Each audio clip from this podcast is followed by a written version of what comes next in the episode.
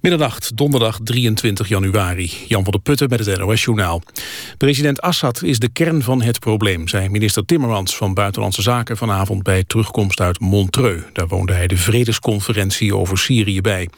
Timmermans noemde het in Nieuwsuur goed dat de hele internationale gemeenschap nu eens in alle helderheid heeft gezien met wat voor mensen we te maken hebben aan de kant van Assad. Volgens Timmermans moet de Syrische president voor een rechtbank komen in een vrij democratisch Syrië of voor het internationaal strafhof in Den Haag. De bekerwedstrijd tussen Ajax en Feyenoord in Amsterdam is zonder incidenten verlopen. Er zijn zes mensen aangehouden, allemaal Ajax-fans. Hoewel supporters uit Rotterdam vooraf zeiden dat ze de wedstrijd wilden bezoeken... waren in Amsterdam geen grote groepen Feyenoord-fans te zien.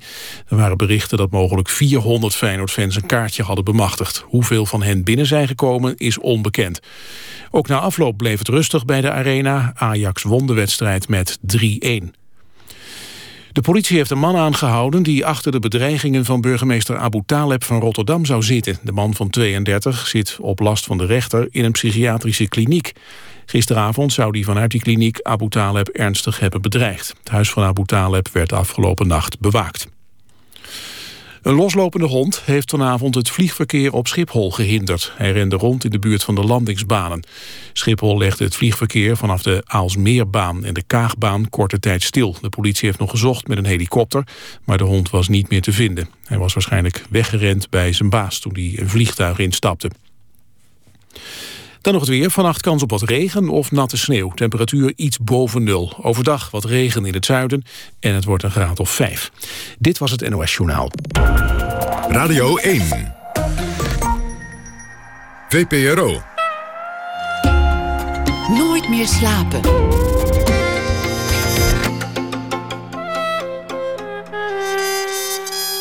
Met Pieter van der Wielen. Goedenavond. Dichtbundels en gangsterfilms en wandelingen met de hond. Dat krijgt u allemaal na één uur te horen. Ook aandacht voor het Filmfestival Rotterdam. Daar speelt de debuutfilm van Esje Janga. En dat is dus die spirituele gangsterfilm. En een gesprek met dichter Misha Hamo, genomineerd voor de VSB Poëzieprijs.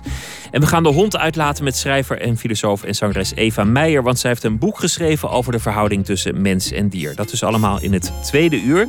Maar eerst praat ik met actrice en muzikante Hadewig Minis. In 2013 had ze een druk jaar. Ze bracht een cd uit, won een gouden kalf voor beste actrice... speelde in de film Borgman van Alex van Warmerdam. Ze maakte haar musical debuut. Ze speelde nog mee in een horrorfilm. En dan ben ik nog van alles vergeten. En vanaf heden reist ze langs de theaters met een voorstelling... Welkom in het Bos van Alex van Warmerdam. Die gaat eh, deze week in première. Minis werd geboren in 1977 in Maastricht. Haar ouders waren allebei muzikant. Ze is inmiddels moeder van een zoon. Of zullen we gewoon beginnen? Dat kan ook. Dat kan wel je hele nee, ik wil dat die lijst nog even doorgaat, gewoon komende half uur. Nee, nee. Gewoon, ja, nou, het is veel, hè? Nee, maar er staat mijn ouders waren muzikant, maar dat zijn, ze eigenlijk nog steeds. Ja, dat maar zijn toen, ze nog steeds. Ik bedoelde, toen jij werd geboren, werd Ja, je geboren eh, in, in, een, in een gezin van barokmuzikanten. Ja. Waren het, hè? Ja. In Maastricht en naar de toneelacademie gedaan. En eh, inmiddels, ja, ja, die lijst van 2013, die, die is oneindig lang. En, Ja. en iedereen heeft het, al- als het over jou gaat, over het topjaar 2013. Ja, het was wel een, een, een oogstjaar, zou je kunnen zeggen. Je hebt toch wel eens dat, dat soms in het leven al het slechte in één keer komt en soms al het goede. En nu denk ik, er kwamen een heleboel goede dingen in één jaar opeens op mij af. Wat heel geweldig was, maar het was ook heel overrompelend, moet ik zeggen. Dat je denkt, jeetje, wat, wat gaat het allemaal snel achter elkaar. Je hebt het eerst nog niet verwerkt en dan komt het volgende al. Dat klinkt nu heel ondankbaar, maar ik, ik ben heel dankbaar. Maar het was met jaartje wel, ja. Ja, ja. een, een eh, gouden kalf, dat, dat is denk ik in, in, als je, als je in, van awards houdt, de hoogste eer die je kunt, kunt halen in Nederland. Ja, ik Als- was er heel actrice. blij mee. Ja, ik, ik- ja, ik- ja, ja.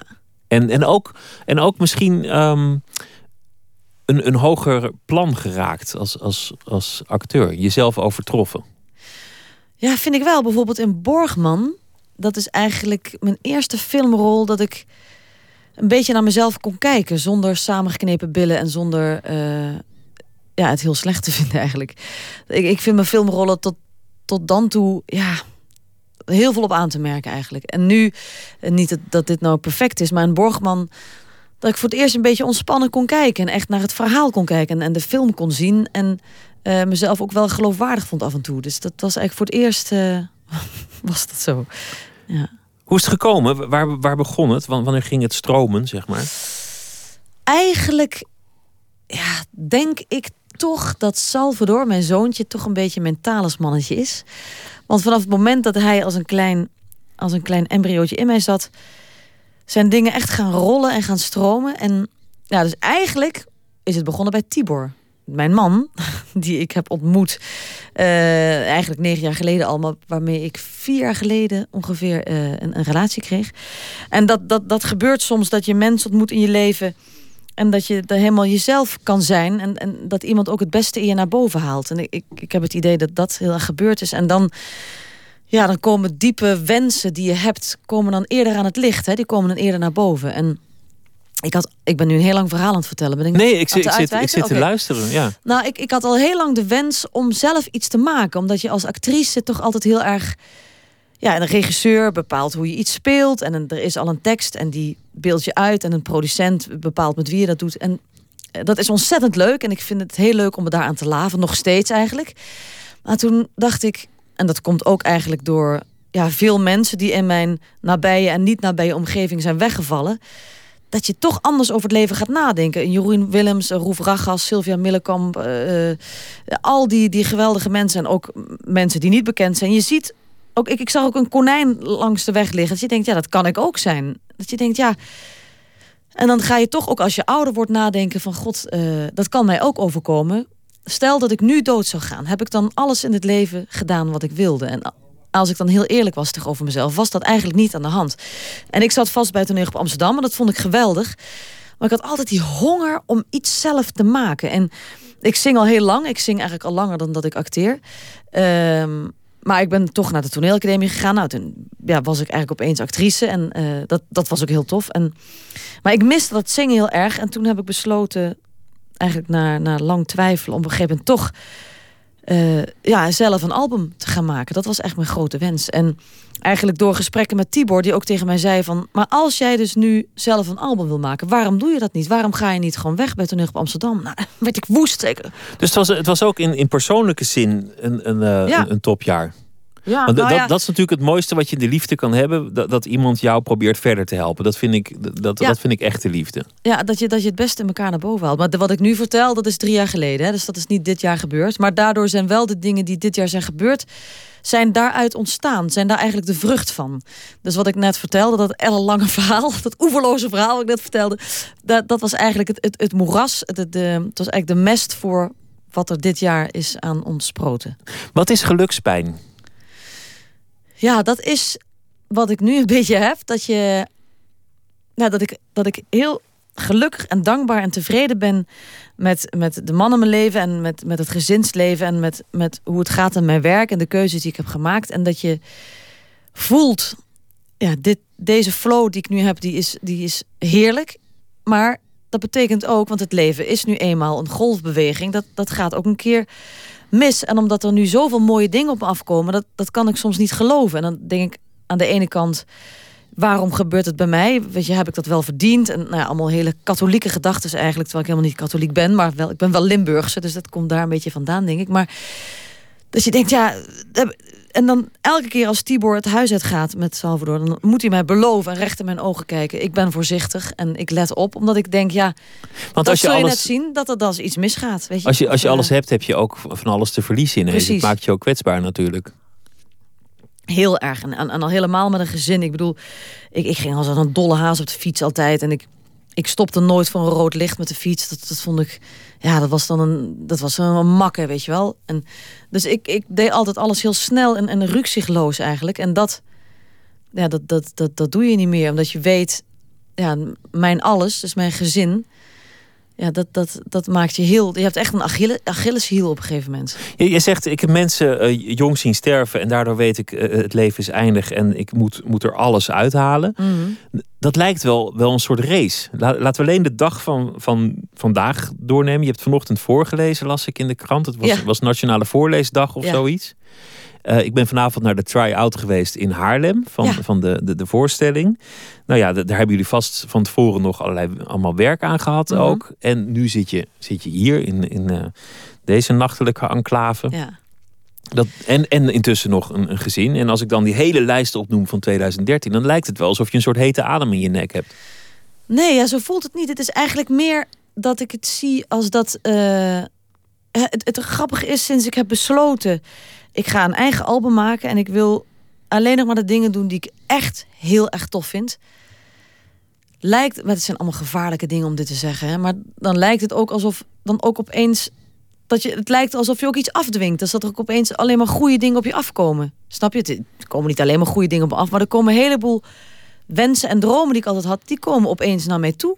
Die komen opeens op mijn schouder tikken en zeggen: hey, ik ben hier, heb je zin om met me te spelen? En dat is, dat is tamelijk absurd. En dat is niet, komt niet voor het, voort uit een hete adem, maar dat komt voort uit mijn behoefte om het leven te leiden zoals ik het wil. Dat vond ik vroeger altijd heel oppervlakkig. Ik hoorde Britney Spears een keer zeggen van... I just wanna have fun. Toen dacht ik, ja joh, flikker op met je fun. We hebben een wereld hier, we moeten er het beste uithalen. We moeten erover nadenken. Maar ik merk nu ook, nu ik ouder word, dat, dat zij eigenlijk gelijk heeft. Het, het, het is het allerbelangrijkste dat je doet in het leven wat je het allerleukst vindt. Want dan ben je op je best. Als je dingen doet die je leuk vindt, word je een leuk mens. Dus ben je leuk voor anderen. Eh, en daardoor wordt de wereld uiteindelijk ook beter van. Dat klinkt heel Het klinkt- pathetisch. Nou nee, Maar- het, het klinkt heel makkelijk. Het, het klinkt een beetje Ja, maar zo. dat- grappig, het is, het is alle goede dingen in het leven zijn simpel.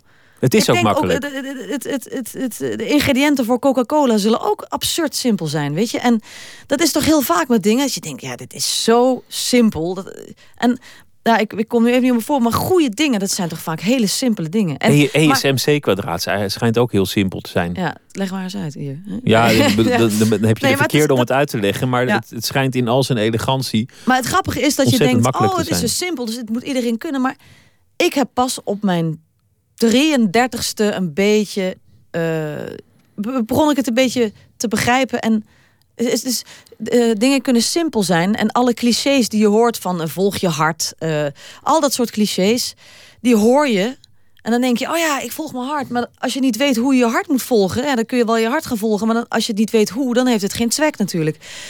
Terwijl als je opeens iemand ontmoet en die, die, die, die, die weet die vulkaan in jou gewoon op tafel te leggen en te laten openbarsten, ja, dan is het veel makkelijker. Begrijp je wat ik bedoel? Of spreek ik, spreek ik nu heel rare taal? Nee, ik zit, ik zit na te denken. Omdat jij zegt, het, het is heel makkelijk. Omdat dingen vaak heel makkelijk zijn. En je moet doen wat je leuk Nee, niet vindt. makkelijk, hè? Maar simpel. Maar Simpel. simpel, bete- simpel betekent niet dat het makkelijk is. En dat is het rare aan het leven. Het leven is soms eigenlijk heel simpel, maar je moet het kunnen. En eh, ik bedoel, ik, ik, ik, zeg nu niet dat ik het kan. Ik zeg dat het me nu even gelukt is. En dat, dat, ik weet ook zeker, dat gaat me ook weer ontglippen. Net zoals dat je een goed voornemen hebt om te gaan sporten. Dat lukt je. Hè? Dol en dwaas, lekker sporten, je bent goed bezig. En altijd kom je weer in een fase dat je denkt... hé, hey, ik, ik ga helemaal niet meer sporten. En dan ben je het helemaal kwijt. Dan ben je Maar- zo, zo is het, snap je? Dat, Ik denk, dat, ik denk dat het geluk ook niet een doel is waar je naartoe gaat. Maar dat Nee. geluk meer iets is wat toevallig eventjes een periode met je meereist. Ja. En, en ook wel weer op een gegeven moment zal afslaan. Ja, en ik denk ook omdat ik natuurlijk toch mijn leven best wel heb omgegooid. Want ik heb mijn vaste baan heb ik opgezegd. Dus je hebt een vast contract, gooi je om. Ik heb mijn huis verkocht. Ik, eh, ik heb mijn leven best wel op, op, op, op zijn kop gezet. En ik, ik had helemaal niks in mijn agenda staan. Dat was helemaal leeg. En eh, dan denk ik toch... eh, en ik ben, ik ben wel een magische denker, geef ik toe. Maar ik heb het gevoel dat het leven mij beloond heeft... voor, ja, voor die keuzes die ik heb gemaakt... die tamelijk riskant waren. Want ja, in die tijd van economische crisis... je vaste contract op, opzeggen is natuurlijk da- tamelijk absurd. En dat, dat is eigenlijk de, de gedachte die door mijn hoofd eh, speelde. Het had natuurlijk ook lelijk mis kunnen gaan. Heel erg, heel Je erg. zegt je baan op, het is crisis, er, er wordt bezuinigd in de cultuur. Er zijn ontzettend veel hele goede acteurs die nauwelijks werk hebben. Ja. Komt even niet op hun pad. Ja. En eh, ja, nu, nu zijn er allemaal luisteraars en dan zeggen wij doe wat je leuk vindt. Zeg die baan op, je, Ja. je, je baas is een hufter, je moet er gewoon niet meer naartoe gaan. middelvinger. Maar Ja. in veel gevallen denk ik, nou, hm, denk Nee. er toch even over na. Want, want hypotheken en deurwaarders die bestaan wel degelijk. Zeker, nee, dat, dat, dat heb je ook helemaal gelijk in. Maar ja, ik, ik, ik, ik dacht, want heel veel mensen zeiden ook tegen mij: je bent gek, waarom, waarom, waarom doe je dat? Maar er was toch kennelijk iets in mij wat wist ik, ik, ik moet het doen, een klein stemmetje. En ik had al heel vaak, want het is grappig, ik kwam mensen tegen die zeiden dat ik al veel eerder had gezegd van ik wil zo graag eh, zelf een album maken. Maar ja, ik durf het niet. En ik, ik had ook nooit echt de reden. Want, want ik, ik, was wel blij met mijn carrière. Ik vond, ik vond, ik vond dat fijn. En, eh, maar dat- ja, ik miste altijd iets of zo. En ja, nou ben ik ook iemand volgens mij die het altijd leuk vindt om mezelf het vuur aan de schenen te leggen of zo. Ik vind het altijd leuk om op mezelf eerder moeilijker te maken dan makkelijker. Want het moet niet te comfortabel worden. Dat is eigenlijk Ja, wat je grappig zegt. hè. Dat is, dat is toch in mijn leven. Dat is ook weer het leuke aan ouder worden. Dat je dat soort dingen merkt. Dat je denkt, oh ja, grappig dat ik dan toch altijd een beetje de moeilijke weg kies. Omdat dat toch gek genoeg altijd het, het, het meeste oplevert. In mijn geval dan. hè. En dat zoals ik. Zou jij nooit indutten? Nee, niet zo snel. Ik, ik, ik zal mezelf altijd wel nieuwe doelen stellen. En wat ik nu wel heb, bijvoorbeeld, nu ik moeder ben en een kind heb, dat ik intens geniet van die huiselijkheid. Dus bijvoorbeeld dat ik nu elke ochtend eh, pap maak en dan haal ik nog even de dorre blaadjes uit de planten en ik geef de planten water en ik klop het tafelkleed uit. Al die huiselijke absurde dingen. Nou, dat klinkt raar, maar daar word ik echt gelukkig van. Of, of maar jij zei net dat en- vanaf het moment dat, dat jouw zoon ehm, ja, in jou ontsproten Mm. was. Ik probeer net de woorden daarvoor voor te vinden, maar dat, die, die, die komen dan even niet. Nee. Dat, dat het daar eigenlijk begon te stromen. Terwijl bij heel veel mensen treedt er eigenlijk vanaf het moment dat, dat ze zich voortplanten een beetje op. Dat ze denken, ach, het beetje die carrière, hoe belangrijk is het Ja. nou helemaal? En ik, ik Ja. wil nu vooral lekker genieten. Ja, maar dat is ook wel grappig. Want toen ik zwanger was, eh, was ik dus wel bezig met nummers schrijven en bezig met mijn album. Maar ik had in principe geen werk aangenomen, omdat ik niet wist hoe het voor mij zou zijn om moeder te zijn. Dus ik heb eerst afgewacht. Dus ik heb de eerste vier maanden dat ik moeder was, gewoon ja, ben ik moeder geweest. En toen merkte ik op een gegeven moment, toen ik wat optredens kreeg met mijn album, dat, me dat, dat ik daar ongelooflijk gelukkig van werd. Van de combinatie van als een soort eh ja, rock and roll in mijn werk, dat te combineren met de huiselijkheid van thuis. En die combinatie merk ik werkt heel goed. En dat, dat, dat bevrucht elkaar. En ehm, wat was je vraag nou ook weer? Dan ben ik het helemaal kwijt. Nou ja, dat, de- je hebt de gezapigheid overwonnen. Die heeft niet toegeslagen. Oh ja, het, het klinkt nee. eigenlijk alsof je in balans bent. Ja, nou het grappige is dat ik wist ook niet hoe het moeder zijn me zou bevallen. Maar op de een of andere manier, omdat ik altijd een teveel aan energie heb gehad, ben ik nu eigenlijk door het moeder zijn veel aardser en ook rustiger en eh, minder in paniek. Ik kon vroeger heel snel panikeren over dingen of dat ik in de stress raakte of dan had ik een auditie en dan oh, hoe moet dat en ah, weet je dat? En nu ben ik moeder en dan is dat sowieso staat op de eerste plaats. En wat ik wel doe, ik zorg dat ik altijd goed voorbereid dingen doe. Maar ik maak me er niet meer zo druk over. Omdat ik denk, ja, ja dat, dat gezin gaat voor. En mijn werk is te gek. Maar ja, en daardoor stromen de dingen. Omdat het eigenlijk minder belangrijk is. En ik het op een tweede plan heb gezet. Is het daardoor beter, beter gegaan. Je neemt het lichter, luchtiger en daardoor kun je ook bijvoorbeeld makkelijker naar ja, jezelf wat niet kijken. wil zeggen dat ik, dat ik er maar met op zijn Jan Boeren fluitjes doe hoor. Want Dat ik ben wel een niet. hard werken en ik vind het ook heel leuk. Ik, ik krijg ook een kick van hard werken. Maar, en het leuke is ook dat ik. Ja, ik vind het ook. Ik ben ook iemand. Ik ruim, ik ruim, ik ruim het huis ook op. En ik, ik, ik- ja, ik, ik maak dingen ook schoon. Ik laat nooit het huis achter in een troep of zo. Omdat ik. Ja, ik weet niet. En dat, dat geeft me dus ook een kick. Op de ene manier om, om het zowel thuis als in mijn werk gewoon. eh, Jezus, ik klink als Wat een, wat een, een- ineens. nou nee, als ik naar je luister met al die energie, krijg ik gewoon zin om eventjes, om even lekker te liggen en gewoon even. Nee, maar dat even- deed ik net, hè? Ik kwam Ja, jij aan, kwam binnen, lekker, even een lekker half uurtje gelegen hier. Ja, dat vond ik, dat vond ik heel goed, want dat is namelijk, dan maak je, dan gebruik je die tijd, want gasten komen altijd iets vroeger naar het programma. Ja.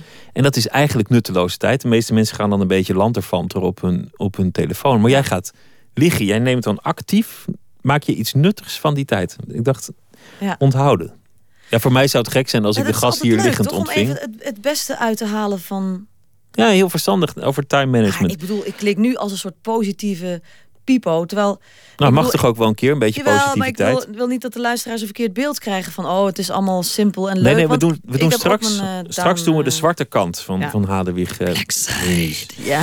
Maar eerst wil ik je plaat aankondigen. Dat, ehm, Invite You heet het nummer. Wil je er iets over zeggen? Het komt van jouw CD. ja, Invite You is eh, mijn eerste single van mijn album.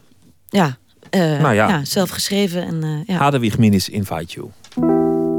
I invite you to look in my eyes. It can be scary, but it's my best advice. Do not be led by the lies of a liar. But as you know, I have to be your wife. Spread your heart, spread your love, spread your soul, spread your skin,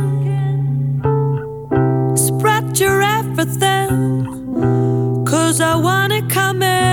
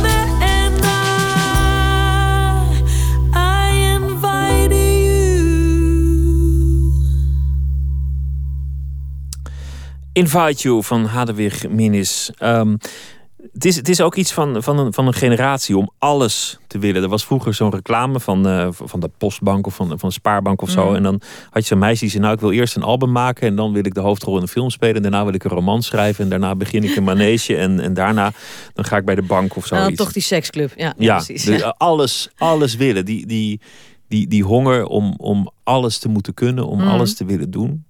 Ja, dat is wel echt de generatie van nu. Ja, dat ben ik met je eens. Maar ik heb nooit het, idee gehad van ik wil alles kunnen hoor.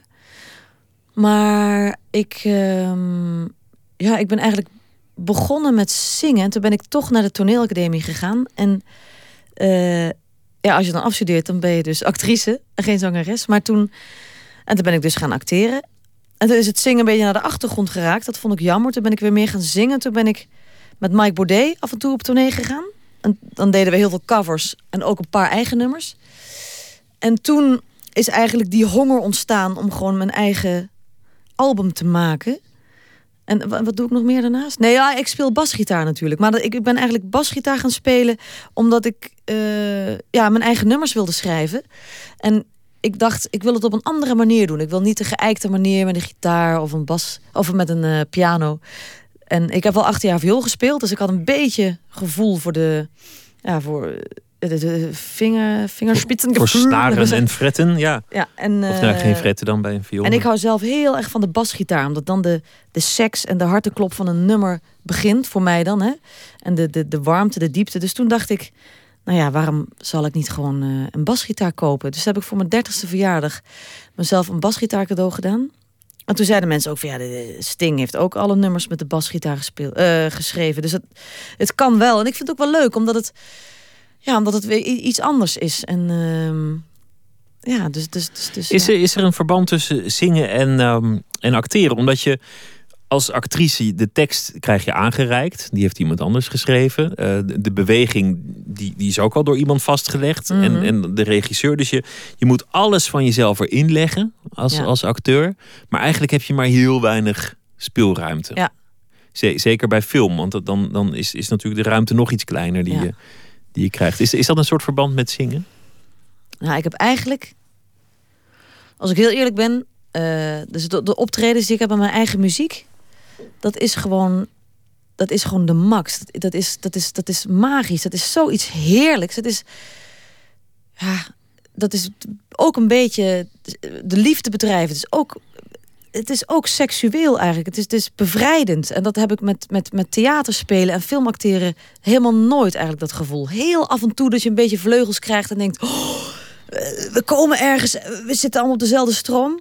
Maar ik denk toch, en dat, dat, dat geldt voor mij althans, als ik muziek hoor, dan word ik veel sneller geraakt dan als ik theaterteksten hoor of zie, of als ik in een museum ben of een film zie. Je merkt ook in een film, als je het, het geluid wegdraait, hè, dus de, de, dan is het nooit meer eng of dan is het niet meer uh, romantisch of, of ontroerend. Want het is toch vaak de muziek die in een film bepaalt wat, wat je emotie is. En ik merk dat als ik optreed met mijn muziek, dat, dat, het, dat je echt mensen kunt raken op een vele. Uh, ja, uh, op een kortere afstand, laat ik maar zeggen. Dat vind ik zo leuk. Ja, eh, muziek gaat snel naar de emoties toe. Dat is ook, je schrikt meer van een knal dan van een flits, bijvoorbeeld. Ja, en ook bijvoorbeeld nu... Ik, ik heb ook geweldige muzikanten. Dus Martin Schepping en Jan van Eert. En wij zijn heel goed op elkaar ingespeeld. En, en je begint zo'n optreden. En, en wij zijn zo op elkaar ingespeeld. Dus dat is altijd anders. En dan dat is ook zo bevrijdend, dat het nooit hetzelfde is. Terwijl met theater is ook nooit helemaal hetzelfde. Maar het zijn toch, is toch een opvolging van afspraken. En ik kan het niet maken om in die try-out van vanavond opeens iets heel anders te doen. Want dan zet ik gewoon mijn collega's te kakken. En dat wil je ook niet. Dus bij, bij, bij acteren... Maar je moet wel alles geven als acteur. Hoofd. Je Jawel, moet, het vindt zich veel meer af in het hoofd. Terwijl met muziek, dan ben ik gewoon met heel mijn zijn... doe ik dat en dan kan ik veel meer loslaten. Dan, dan, dan, ja, het is moeilijk om in concrete taal dit uit te leggen, maar dan kom je toch meer in een flow terecht. Dat is, dat is te gek wat, wat muziek met je doet als artiest, maar ook als luisteraar. Ja, dat vind ik toch, toch waanzinnig. Dus ik, ja, ik, als ik dus moet kiezen, dan, dan kies ik toch echt voor die muziekoptredens, ja. Maar, maar, juist de, de, de, de afwisseling met theater is weer tof. Want nu bijvoorbeeld met Alex van Warmerdam, met Welkom in het Bos, dat heeft hij zelf geschreven. En Alex van Warmerdam is iemand die um, uh, less is more. Hè? Dus hij schrijft nooit meer woorden dan nodig zijn. Hij is ook heel lang bezig met zo min mogelijk. Deze voorstelling duurt ook maar een uur en tien minuten of zo. En je voelt ook van er moet, er moet niks meer bij. Want, en je merkt dat er heel weinig ruimte is uh, om in te spelen. Daarmee bedoel ik dat, dat het jasje wat je aankrijgt is tamelijk strak. Dus dat kun je niet enorm mee gaan fladderen. En dat geeft ook weer een kick om precies binnen dat jasje toch die ruimte te vinden zonder dat dat, dat gaat knellen, snap je? Maar, maar het, lijkt me, het lijkt me zo eng om jezelf over te leveren aan, aan iemand. Wat je met een oh. regisseur toch wel hebt. Ja, dan, dan, dan moet die regisseur wel goed zijn. Nou, bijvoorbeeld, ik bedoel, ik denk dat je met een slechte regisseur ook nog wel goed kan spelen, maar dan moet het script je wel, eventueel wel echt wat bieden. Dus ik denk dat het script toch belangrijker is dan de regisseur dan in, in dat geval. Maar jij, jij, jij staat daar met, met heel je wezen en zijn, want meer middelen, ja. meer middelen heb je niet. Je hebt, je hebt je stem en, je, en je lichaam. Ja, ja. En, en je, moet, je moet dus toch als een goede acteur alles erin leggen. Terwijl je eigenlijk bent overgeleverd aan, aan het werk van anderen. Nou, en dan moet je ook nog maar een klik hebben met die regisseur. Of dat, dat, dat zijn werkwijze uh, jou verder brengt. Nou, nou ben ik heel blij met Alex. Omdat ja, ik hou heel erg van wat hij maakt. En wij vinden elkaar heel erg in de werkwijze. Want hij is heel erg op de millimeter. En ik ook. Dus sommige acteurs vinden het lastig met hem, omdat hij zo op de millimeter aanwijzingen blijft geven en dingen blijft fine-tunen. Terwijl ik dat juist heerlijk vind. Om... Maar, maar hoe gaat dat? Ja, dat is echt. Uh... Hij heeft bijvoorbeeld. Uh, je, je, je komt op. Hij, hij wil eigenlijk alle gedachten zien. Dus hij wil niet dat je opkomt en je begint met een zin. Hij wil dat je opkomt en denkt: hè, zag ik daar nog een boom of niet? En terugloopt en denkt: nee, ik, ik, zag geen boom. Of toch wel. En dan weer, weer doorloopt. Ja, het is moeilijk uit te leggen voor de radio. Maar we hebben, we hebben dus- een fragment waarin oh. hij het uitlegt. Want hij heeft oh, een, een interview gedaan met uh, Daphne Bunskoek. Die, die maakte uh, filmprogramma's. En daarin vertelt Alex van Warmerdam hoe hij jou regisseert voor de film Borg. Ach, echt waar? Wat geinig. Ik ben van mening dat een acteur het fijn vindt als je hem limieten uh, geeft. niet alleen openingen, tot, maar ook beperkingen. Wat voor soort beperkingen nou, beweging met je hand of als zij bijvoorbeeld, uh, dat weet ik nog, daar, daar, daar, daar, hebben we wel even over gedaan. Uh, als zij vanuit de schuur, nadat ze daar onraad heeft bespeurd, terugkomt in de tuin en dan die grote donkere tuin om haar heen. Uh, hoe je dan omkijkt en zo, dat soort kleine dingen. Ja, dat is zeg maar wat ik het Clint Eastwood acteren noem. hoe je in de verte kijkt, hoe je omkijkt. Uh, je hebt ook ik, natuurlijk dat je dit iets eerder doet dan je hoofd dus is... en dan het hoofd erachteraan. Of dat soort dingen. Dat geeft spanning. En dan kan je, dat is bijna gewoon vorm, vorm geven aan de acteur. Er is iets om ons heen, Richard. Iets om ons heen? Iets wat buiten ons is en af en toe naar binnen glipt. Een warmte. Een aangename warmte die je bedwelmt, maar ook in verwarring brengt. Een omhulsel van iets dat kwaad wil. Dat denk ik tenminste, maar dat, dat weet ik niet zeker. Het is een waanbeeld, liefje. Een hallucinatie. Komt door vermoeidheid, je werkt hard. Ik voel me zo schuldig. Wij hebben het zo goed. Wij hebben geluk. En de gelukkigen die moeten worden gestraft. Marina, liefje, dat is echt onzin. We zijn geboren in het Westen en in het Westen heerst nou eenmaal welvaart. Kunnen we niks aan doen. Wat doen jullie? Wat doe jij uit je bedje? Ik heb honger. Wij hebben ook honger. Ah, kom. Uit de film uh, Borgman was dit. Het is heel gek hè, om het alleen te horen. Ja, ik moet misschien even uitleggen waar, waar de film over gaat. Eigenlijk over die, die gelukspijn die, die jij net noemde. Je hebt alles, ja. Een, een, een, mooie villa, een mooie man en, en een... In de film, hè? Even in, in de, ja, je hebt in het echt waarschijnlijk geen villa, want nee, blijft toch Nederland. Maar... Dus mensen... Nee, ja. nee, maar goed, maar wel, wel dat gevoel, je hebt, je hebt het heel erg voor elkaar. In de, in de film is dat dan in, in materiële zin. Mhm. En, en dan, dan komt toch dat gevaar, dat noodlot, Ja. of hoe je het ook ziet. Het is niet een film die je denk ik helemaal moet, moet uitleggen, maar, maar dat is in ieder geval wat jouw personage overkomt. Ja, en op dat, dat moment, wat, wat de mensen net hoorden, is dat zij dus voelt dat er iets aan de hand is wat ze niet kan verklaren. Dus die Borgman als een soort ja, duister iets. Zij voelt er klopt iets niet, maar ze kan het nog niet goed verwoorden. Dus ze wil haar man duidelijk maken: weet dat ik van je hou, maar weet ook dat er iets aan de hand is en ik heb het niet in de hand. Ja. ja. Waarom, waarom lukt het Alex van Warmerdam om, om het beste uit jou te halen? Jij zegt onze manier van werken uh, past bij elkaar, Mhm. omdat we allebei uh, in, in detail werken. En, en ook omdat hij veel van je vraagt en, en heel precies werkt. Ja.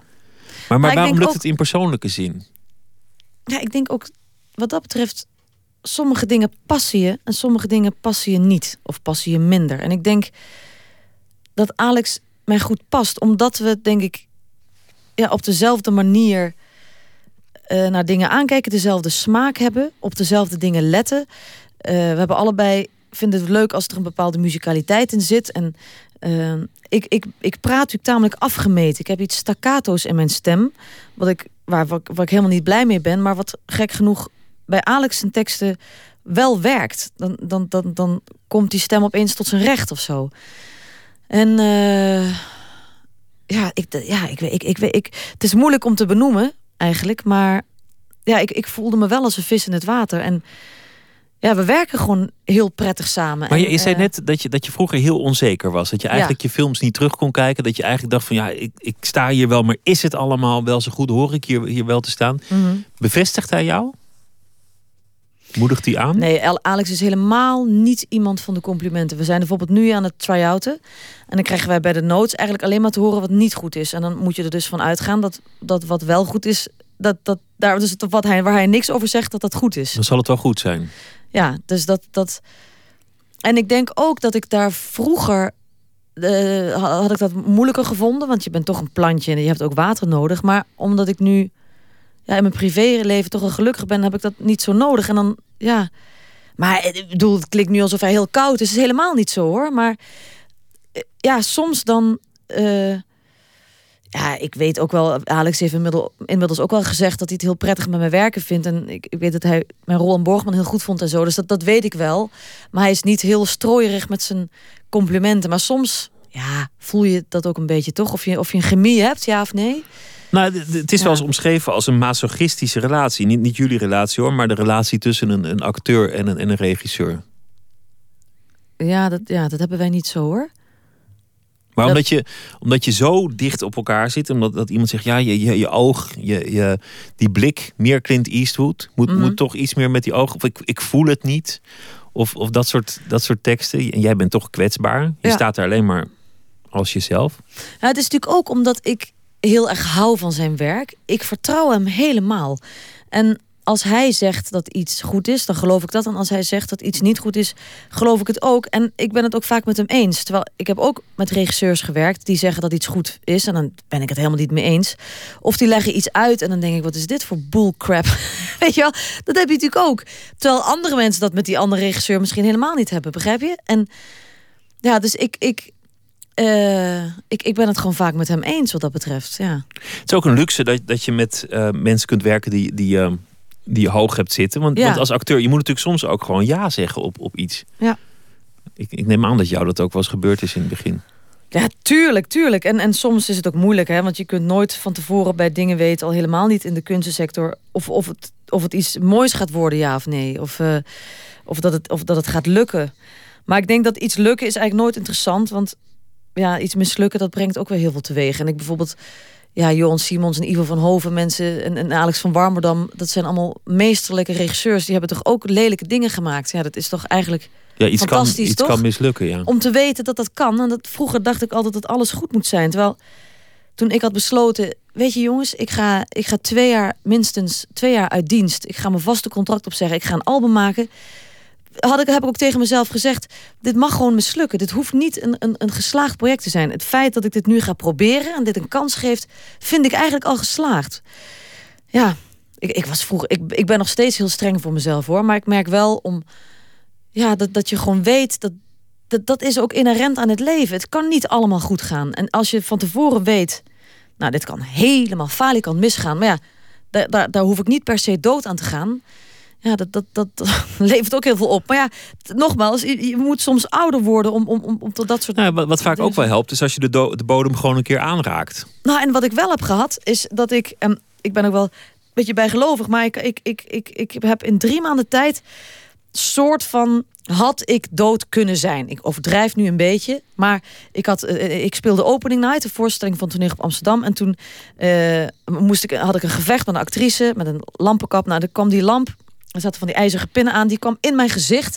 En die heeft dus eh, twee tanden eh, of één tand eh, is eruit gegaan uit mijn mond. Maar ja, dat had ook, weet ik veel, in mijn oog terecht kunnen komen. Of hier. En dan, nou ja, was ik verminkt of, of, of blind. Of, nou, dat had verkeerd af kunnen lopen. Of hersendood. Een ander ding, ik was in, in, in Tasmanië. En toen had ik, was ik aan het rijden met een quad. En, die, en we, we reden langs een ravijn. En toen eh, eh, ben ik van de weg afgeraakt. En er stond één struik en één boom langs die ravijn. En toen ben ik in die struik terechtgekomen. Dat geloof je toch niet? Nou, ik was helemaal in shock. Ik heb daar een kleine kras hier in mijn neus aan overgehouden. Waar ik alleen maar blij mee ben. Want dat doet me herinneren aan... Maar je had natuurlijk gewoon het refijn in moeten kukelen volgens alle was ik natuurwetten. dood geweest. Ja, nee, ik zeg niet dat het had het moeten gebeuren in morele voor zin. de wereld, nee. Maar, maar natuurkundig gezien, zeg maar, als je qua kansberekening dat loslaat, dan zou je het waarschijnlijk, ik bedoel, dat je net op die struik Ja. landt. Maar dat, ja, dat, dat zeg, je, dingen. dat zeg je de dat- hele tijd. Dat vind ik wel grappig. Dat want doet je ook anders nadenken over het leven. Begrijp je? Je kunt ook, er waren dus drie dat soort dingen gebeurd in, in, in drie maanden tijd. Dan kun je ook denken, oh ja, dat is gebeurd. Nou ja. Maar toen dacht ik, ja, wacht eens even. Ik had, ik had, het had drie keer echt heel erg verkeerd kunnen aflopen. Dit is niet gebeurd.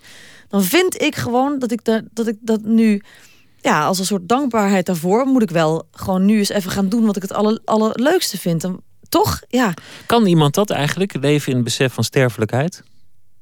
Ik bedoel, dat hou je een dag vol of een week. Maar, maar ik geloof niet dat je, dat je altijd kunt leven van... Nee. dit kan de laatste dag zijn of, of het is zomaar voorbij. of Nee, maar laat- ik heb wel, als ik, als ik bijvoorbeeld lees over een sterfgeval, eh, of, of, of een- ja, dan, dan denk ik wel, ja, dat, dat had mij ook kunnen overkomen. Ik bedoel, je merkt ook, ik dacht vroeger altijd dat doodgaan, dat, het- dat stond heel ver van me af. Dacht ik, ja, dan ben je oud of je bent heel ziek. En dan, terwijl nu, als het gebeurt bij mensen om me heen, dan denk ik, ja, de, de, dood is zo dichtbij. Maar ik ben niet bang voor de dood hoor, in, in die zin. Maar, eh, maar ik denk wel, ja, waarom zou je niet gewoon het allerbeste uit het leven halen? Waarom zou je dat eigenlijk niet doen? En dan, dan heeft het maar wat risico's. Want wat ik heb gedaan is enorm riskant geweest. Maar denk je Maar- dan dat er mensen zijn die, Maar is die, toch leuk ook? die niet het allerbeste uit het, uit het leven halen? Want, Ja. want volgens mij probeert iedereen Nee. dat toch wel? Nee? Nee. Ja, het spijt me om te zeggen, maar ik denk toch echt dat er heel veel mensen zijn die dat niet doen. En, eh, eh, maar er zijn ook heel veel mensen die zijn, die zijn ook heel tevreden. En Eh, maar ik denk dat er ook mensen zijn die, die, ja, die ook veel waarde hechten aan veiligheid en, en ritme. En, ja, nee. Comfort. Ja, maar dat is ook prima. Hè? Dus ik zeg niet dat het een beter is dan het ander. Maar. Dus ik, ik zeg helemaal niet dat iedereen dit nou moet doen. Maar ik, ik heb wel gemerkt dat toegeven aan je, aan je diepste verlangens, hè, dus je, je, je dromen. En doen wat je het leukst vindt. Gewoon doen waar je blij van wordt. Al word je blij van, van een moestuin aanleggen in je tuin. Of als je blij wordt van je buren helpen. Ik zeg maar iets. Het, het klinkt namelijk zo oppervlakkig. En ik, ik weet dat ik klink als een blij ei. Ik ben me er terdege van bewust, beste luisteraars. Maar dat is gewoon toch het leukste in het leven. En ik Maar, dacht vroeger ja. dat iets oppervlakkigs is. Maar waarom zeg je trouwens niet gewoon dat, want je zegt van ja, dat moet iedereen zelf weten. Maar waarom, waarom zeg je eigenlijk niet gewoon van nou ja, daar, dat verafschuw ik of daar heb ik eigenlijk een mening over? Ja, omdat mensen ook denken, rot op met je blijheid. Laat mij gewoon lekker eh, hier... eh, Maar het is ook een fatalistische blijheid. Want het is een, het is een blijheid waarbij, bij constant een doodsbesef Nee. en, en het Tas- Tasmaanse ravijn eh, door de gedachten spint. Nee, dat, dat, dat, dat- in die drie maanden tijd ben ik daarmee geconfronteerd. En eh, heb ik daar iets mee gedaan, ja.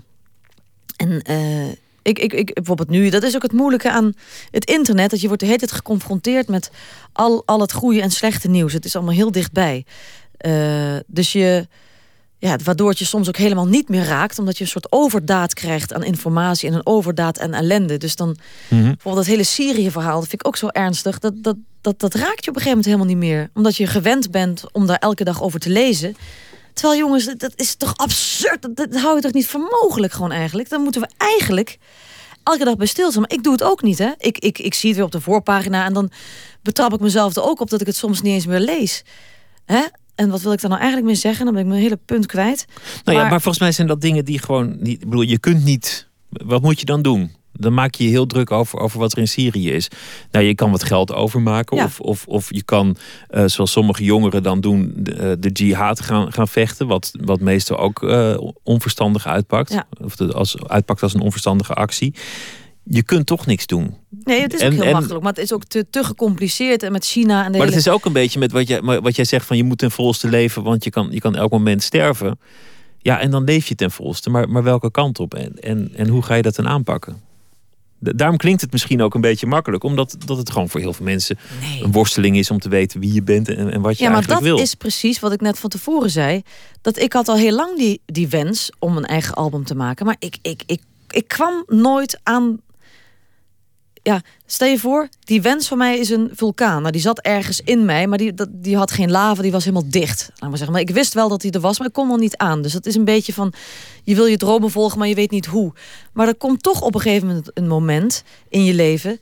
dat, dat, je, dat die vulkaan toch begint een beetje open te breken. En dan, dan, dan moet je daar toch aan toegeven. Maar ik merkte wel dat, dat de dromen die ik graag wilde volgen... kwamen aan de oppervlakte, omdat ik Tibor ontmoette. En daardoor, ja, dan kom je dichter bij jezelf. En dan heb je minder barrières. Dus alle schillen die je in het leven opbouwt, dat iedereen heeft... die werden steeds meer een beetje afgegooid. Je merkt ook als je verliefd bent, ben je kwetsbaarder. Ben je gevoeliger voor dingen. En dan... Ja, ik, dus ik denk... eh, ja, ehm, proberen zo dicht mogelijk bij jezelf te staan. Want dat is ook zo moeilijk. Dat je, je leest allemaal tijdschriften. Iedereen is slank en mooi. En, en, en dat zijn wij allemaal niet.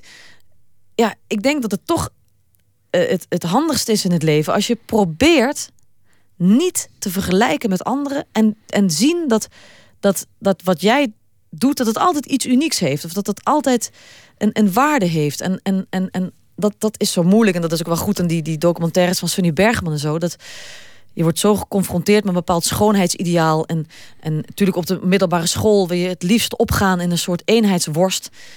Maar ik denk dat, dat, dat je, je je echte dromen en je, hetgene waar je het blijst van wordt, het snelst ontdekt als je zoveel mogelijk jezelf bent. En dat is toch. Misschien, misschien ga ik het beter begrijpen als je. Als ik een lied zing. Nee, nee, Nee, nee, als Ja. je, als je, is, er, is er ooit een, een punt geweest dat het er allemaal niet was? Is er, is er ooit Mhm. een, een, een moment geweest dat je volledig in de put zat? Ja, twee keer. Ik heb twee keer een hele ernstige depressie gehad. Eén keer op mijn 22e en één keer op mijn 30ste. Het was heel, dat was heel intens. Echt een depressie? In, in, Ja, eh, echt dat de huisarts ook zei: ik, ik kan nu medicijnen voor je voorschrijven. Maar toen dacht ik, ja, dat wil ik niet, want dan, ja, want dan heb je medicijnen en dan, dan weet ik niet wat is mijn ware gemoedstoestand nu eigenlijk. Dus toen heb ik wel eh, therapie gehad, maar dat werkte bij mij niet helemaal. En toen heb ik NLP eigenlijk ontdekt via mijn toenmalige vriend. Want hij had via zijn werk hadden zij dan een soort gezamenlijke NLP en hij heeft daar veel aan gehad. Neurolinguistisch programmeren. Precies. En toen heeft hij aan die man gevraagd: van, doet u dat ook op uh, persoonlijk, uh, hoe zeg je dat, op één op één? Dat heeft hij gedaan en ik heb er ongelooflijk veel aan gehad. En Een dat coach. is eigenlijk, Ja. ja. het is eigenlijk meer een soort coaching van je leven. En dat is eigenlijk heel simpel gezegd jezelf trainen om eh, angsten en negatieve dingen om te zetten in iets meer positiefs. En, eh, en hij, hij zoekt samen met je uit op op wat voor momenten je prettig voelt. En om die momenten gewoon in te zetten op het moment als je niet prettig voelt. En ook hele simpele trucs heeft hij mij ook geleerd. Waar ik veel aan heb. Dus je kunt jezelf ook een beetje. Voor de, het is moeilijk hè, omdat nu leg ik het in, in, een, in, een, in, in, in drie seconden uit. Want het is eigenlijk, doe ik daarmee NLP eh, niet veel goed. Want dat, dat kun je eigenlijk niet heel snel uitleggen. Maar bijvoorbeeld, is een leuke tip misschien voor de mensen thuis. Of in de auto, ik weet niet waar jullie zijn. Maar als je op straat loopt en je voelt je wat minder, dat je dan omhoog kijkt. En eh, het is namelijk zo, als je, om, als je blij bent, kijk je omhoog vaak. Hè? Dan kijk je omhoog, een beetje naar de toppen van de bomen en naar de vogels. En dan geef je. En als je dus niet blij bent en je kijkt omhoog, geef je hersens eigenlijk een seintje. Hé, hey, ik ben blij. Dus je fopt je hersenen Dus eigenlijk. je, je doet eerst blij en daarna word je blij. Dat is, dat is eigenlijk de, de truc. Ja, heel simpel gezegd. Ik moet ook meteen denken aan, aan, aan, aan Tony Robbins. Hè? Zo, zo van die, van die, eh, van die goeroes die dan voor zijn hele zaal staan in Amerika. Ja, met zo'n maar daar microfoontje. ben en ik een beetje allergisch voor. Yes, you Ook- can. ja, maar Emil Ratelband en zo hoef je bij mij echt niet mee aan te komen. Dus ik, ja, maar ja, ik, Maar ik, zou het ooit terug kunnen komen? Want, want, Ja, eh, of heb je het definitief overwonnen? Nee, ja, ik, ik, ik, het is raar. Ik zit nu gewoon in, in de gelukkigste tijd van mijn leven. En eh, dat is heel leuk. Maar ik weet zeker dat er een periode komt die, die minder gaat zijn. En, eh, Want die zul je ook nodig hebben om daarna weer verder te komen. ja, Zo is het leven blije gewoon, eikel als ik nu ben, dat, wil je, dat is ook, wordt ook irritant op een gegeven moment, toch? ik Nou, krijg eigenlijk een hekel aan mezelf van al die positiviteit. Dat je denkt, hou op. Maar ik, ik, ik weet zeker dat er een mindere tijd aan komt. Dat kan niet anders. Maar ik ben heel blij dat ik NLP heb ontdekt. Omdat dat mij heel veel biedt. En ik, ik doe dat steeds bij dezelfde coach.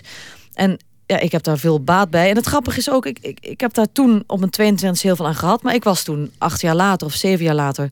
ja, was ik ook weer terug bij af op een andere af dan die eerste af. Maar en dan merk je ook, ja, je hebt bepaalde tools in leven waar je wat aan hebt, maar die kun je niet altijd volhouden. Die, die, die verlies je op een gegeven moment toch. En dus er gaan mindere tijden komen. En eh, Maar nu gaat alles voor de wind. Ik wilde, wilde ook nog even de voorstelling noemen, omdat ik bij zo'n Oh ja. leuke try-out ben, ben geweest eh, daar in Haarlem. ja, wat vond je van de try-out? Ik, ik vond het ontzettend hilarisch grappig, maar ook duister. En Mhm. volgens mij had, had iedereen het, enorm naar zin met een geweldige Pierre Bokma en Ja. een echte Alex van Warmerdam absur- absurditeit. Het, was, het was een leuke try-out. Ja.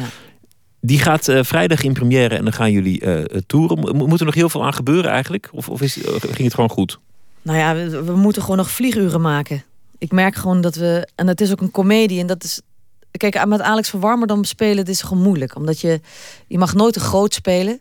Je mag nooit van dik hout zagen met planken. En. maar ja, met een komedie wil je toch soms gewoon lekker een beetje gaan.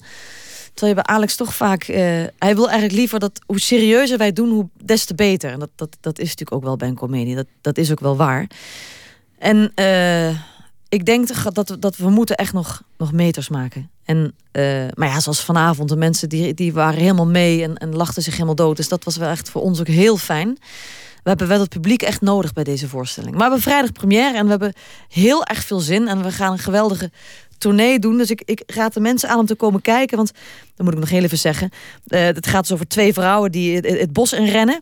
En eh wij komen allemaal wezens tegen. En dat, dat, die worden allemaal gespeeld door Pierre Bokma. Dus Pierre Bokma speelt een elf en een faun, een boerinnetje en een puberzoon. En een jager en een- kakker. een troll en een- nou ja, dat gegeven is eigenlijk al hilarisch natuurlijk. En nou is hij natuurlijk ook een brute acteur. Dus Ja, het is gewoon, het is gewoon smullen eigenlijk met die man. Nou, er zijn, dan hebben we dus een aantal... Wij, wij eh, waren dus niet geweldig. Want je zegt, ja, Alex en eh Nee. Pierre geweldig. En wij hangen er een beetje bij, nee, je jullie zeggen, waren, jullie, waren ook, jullie waren ook Wij waren ook geweldig. wel aardig. Nou mensen, kom zelf maar kijken. En ehm, ja, we hebben dus een aantal eh, moralen uit het interview kunnen destilleren. Dat is, eh, blijf niet hangen in je comfortabele zone. Zorg dat je iemand om je heen hebt die... We maken er gewoon een zelfhulpboek van. Die, die het beste uit jou haalt. Want dat is echte liefde. En die zal je ook verder helpen. Overwin je Maar eh, wees je ook bewust van, van het risico wat het leven met zich meedraagt. Mhm. Want de dood is altijd nabij. En eh, als je doet wat je Ja. wil doen. En als je die, dat risico neemt. Dan zul je ook een beter mens zijn voor de mensen om je, om je heen. En waarschijnlijk levert dat dan ook succes op. En als het allemaal niet werkt. Dan kun je ook nog altijd... eh, hoef je niet te schromen voor een training. Dankjewel Pieter voor deze samenvatting. Het was een, was een leuk gesprek. Het nummer wat we gaan draaien heb jij gecoverd op je cd. Ja. The Cross van, van Prince. Mhm. Wil je er nog iets over zeggen? Ja, ik vind het een waanzinnig nummer. En eh, ik, ik zong het een, ik heb, we hebben het een hele tijd gezongen, ook met Mike Baudet. En ik vind het een waanzinnig nummer. En we hebben besloten om dat op het album te zetten. En we hebben daar een eigen versie van gemaakt. Dus ik hoop dat het de mensen een beetje bevalt. Dankjewel. Hadewig Minis. Het nummer The Cross van Prince. Dankjewel.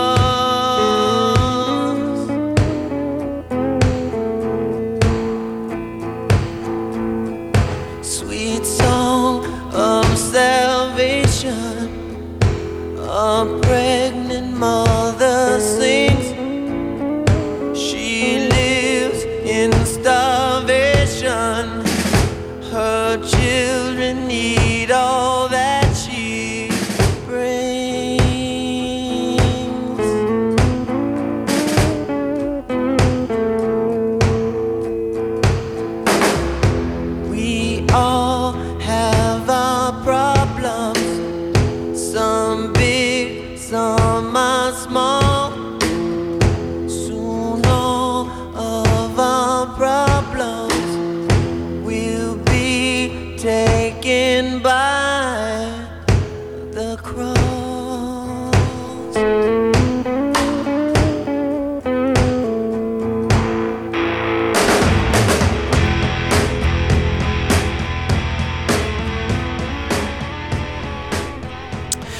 Het origineel The Cross van Prince. En het staat dus op de debuutversie van eh, de debuutplaat van Hadewig Minis eh, door haar uitgevoerd. Elke dag eh, kijken we naar het Internationaal Filmfestival in Rotterdam. Dat is vandaag van start gegaan. Twaalf dagen lang films van over de hele wereld. Maar wat is er eigenlijk nog meer te beleven daar in Rotterdam? Onze verslaggever Floris Albersen die kijkt naar andere dingen al daar te doen behalve films kijken. Alleen vandaag festivalprogrammeur Peter van Hoof over de korte film, want die zijn er ook nog. En Van Hoof stelde een korte filmmarathon samen en vertelt wat er zo bijzonder is aan het medium der korte film.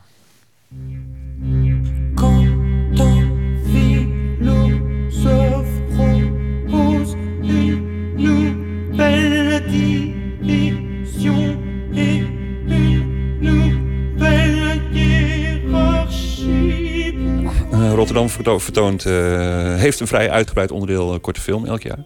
Eh, ook dit jaar weer. We vertonen in totaal 223 korte films in het festival. 223. En dit is er één van? Je zag een fragment van de nieuwe film van Patrick Lièvre. L'Eternel Retour. de eeuwige terugkeer. wat je ziet is een, ja, in feite een korte opera van drie minuten. Waarbij je een zwart gesminkt gezicht ziet en wat deze kunstenaar gedaan heeft, die heeft, die heeft drie lagen bij elkaar gebracht. aan de ene kant de, de gesminkte acteur, Purcell, de, de opera, die, die hoort op de achtergrond. En bouwt een hele mooie, kleine filosofische redenatie op over de eeuwige terugkeer van hetzelfde. En dat allemaal in drie minuten. Ja.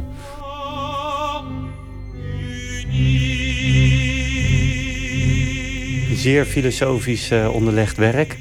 Staat dit voor de korte film? Is, want daar ben ik benieuwd naar. Wat zijn de wetten van de korte film? Verschillen die per definitie van die van de lange uh, speelfilm van anderhalf uur? In dit geval gaat het gewoon om een verhaal wat verteld moet worden. Deze makers willen willen dit verhaal vertellen.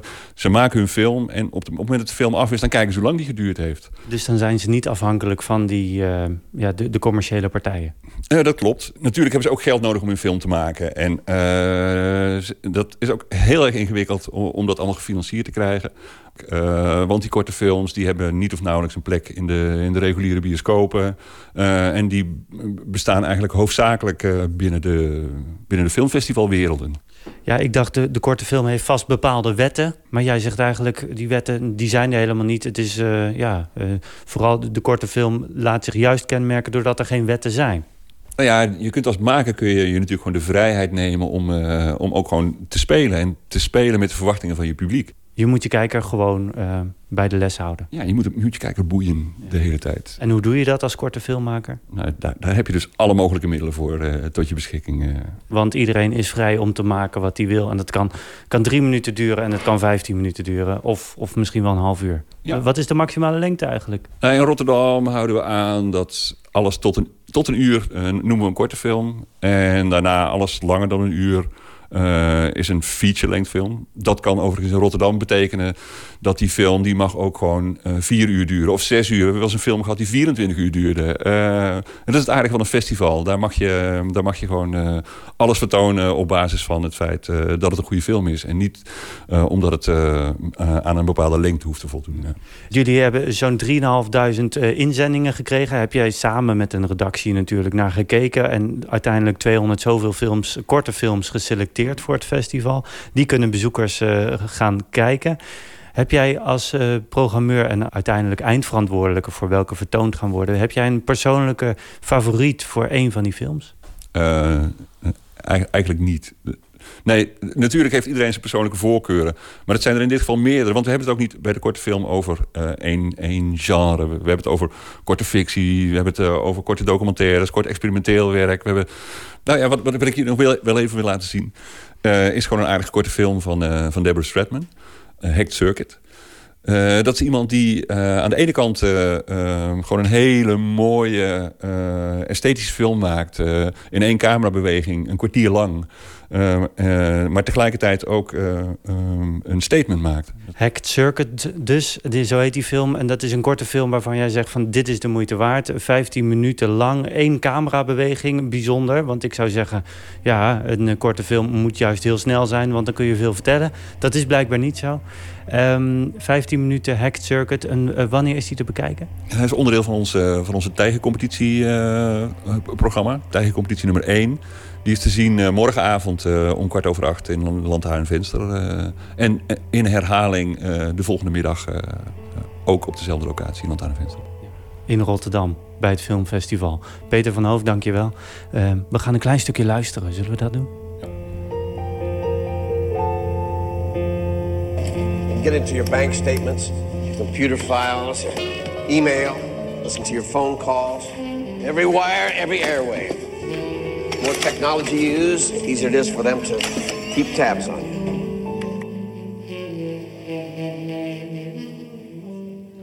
En die korte filmmarathon van 2014 vindt plaats op 1 februari. En ik eh, zeg er vast bij dat dat valt op een zaterdag. Zometeen is Nooit meer slapen bij u terug. En dan hebben we eh, dichter Misha Hamel, genomineerd voor de VSB Poëzieprijs. Daniel D., stadsdichter van Rotterdam, die schrijft een kort verhaal. Speciaal voor deze aflevering van Nooit meer slapen. En we gaan het ook hebben over een spirituele gangsterfilm. Esje Yanga hoort u daarover.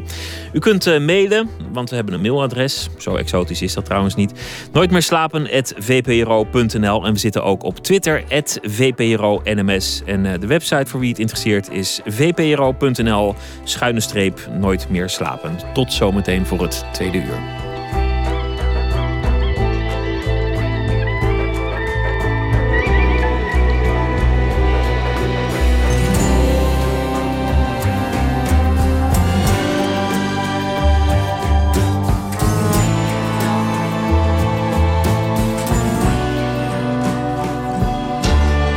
Radio 1, het nieuws van alle kanten.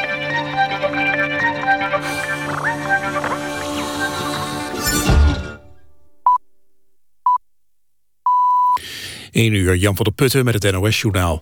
In de buurt van Nijverdal is een auto met verdachten van een inbraak... met grote snelheid frontaal op een tegenligger gebotst. Bij het ongeluk raakten zes mensen gewond. De inbrekers waren betrapt bij een bedrijfsinbraak in Raalte. Ze werden achtervolgd door de politie. Op een kruising op de N35 botsten ze met hoge snelheid op een tegemoetkomende auto. De zes gewonden zijn naar het ziekenhuis gebracht. De vier verdachten van de inbraak zijn aangehouden. Assad is de kern van het probleem, zei minister Timmermans van Buitenlandse Zaken vanavond bij terugkomst uit Montreux. Daar woonde hij de vredesconferentie over Syrië bij. Timmermans noemde het in Nieuwsuur goed dat de hele internationale gemeenschap nu eens in alle helderheid heeft gezien met wat voor mensen we te maken hebben aan de kant van Assad. Volgens Timmermans moet de Syrische president voor een rechtbank komen in een vrij democratisch Syrië of voor het internationaal strafhof in Den Haag. Premier Rutte heeft in Zwitserland een gesprek gehad met de Iraanse president Rouhani. Rutte twitterde zelf een foto van de ontmoeting. Rutte heeft bij Iran aangedrongen op een constructieve opstelling in zaken Syrië. Hij heeft ook zijn zorgen overgebracht over de mensenrechten in Iran. De bekerwedstrijd tussen Ajax en Feyenoord in Amsterdam is zonder incidenten verlopen. Er zijn zes mensen aangehouden, allemaal Ajax-fans. Hoewel supporters uit Rotterdam vooraf zeiden dat ze de wedstrijd wilden bezoeken... waren in Amsterdam geen grote groepen Feyenoord-fans te zien. Er waren berichten dat mogelijk 400 Feyenoord-fans een kaartje hadden bemachtigd. En hoeveel van hen zijn binnengekomen is onbekend. Ook na afloop bleef het rustig bij de Arena. Ajax won de wedstrijd met 3-1. Het weer, vannacht kans op wat regen of natte sneeuw. Temperatuur iets boven nul. Overdag in het zuiden wat regen en het wordt een graad of vijf. Dit was het NOS Journaal. Radio 1. VPRO. Nooit meer slapen.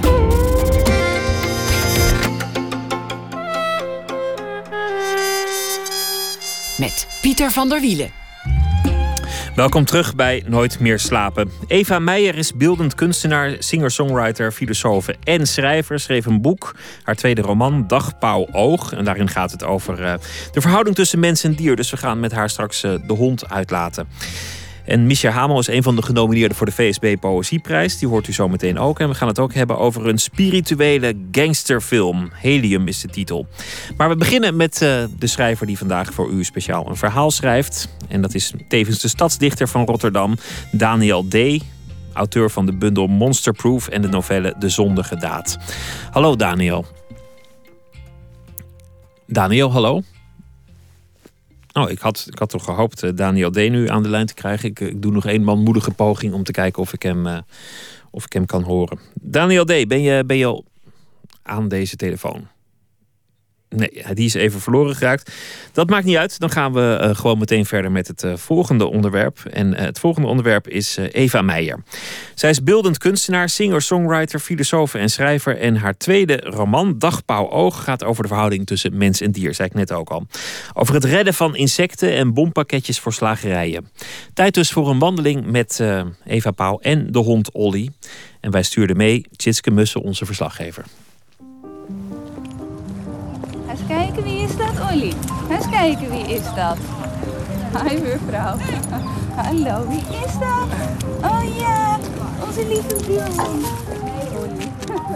Ik ben Eva Meijer. Uh, ik uh, ben kunstenaar, schrijver, singer-songwriter en filosoof. En uh, ik loop hier in het Beatrixpark samen met de hond Olly.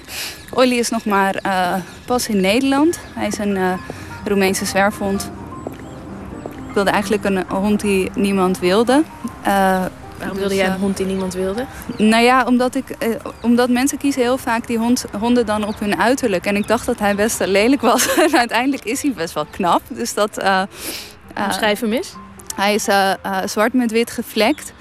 En hij lijkt een beetje op een kruising tussen een border collie en een pitbull. Nou is dat misschien niet echt een aanbeveling voor een schoonheidswedstrijd. Maar nou, het is gewoon een leuke ja, hij is, het, ja, het is een leuke hond om te zien. Hij is alleen wel wat groter dan ik, uh, dan ik had gedacht. Hij is ongeveer twee keer zo groot als ik gedacht had. Zullen we naar het bankje lopen daar? Ja. Olly, kijk eens. Olly, ga jij even mee? Goed zo. Eva, Dagbouwoog heet jouw boek. Ja. Uh, verschenen bij Cossé. Gaat over uh, een vrouw, Iris Dagbouwoog. Wat is dat voor iemand? Uh, ja, zij is kunstenaar, um, zo ergens halverwege de 50. En ja, ze is eigenlijk bekend geworden met feministisch werk, met uh, zelfportretten.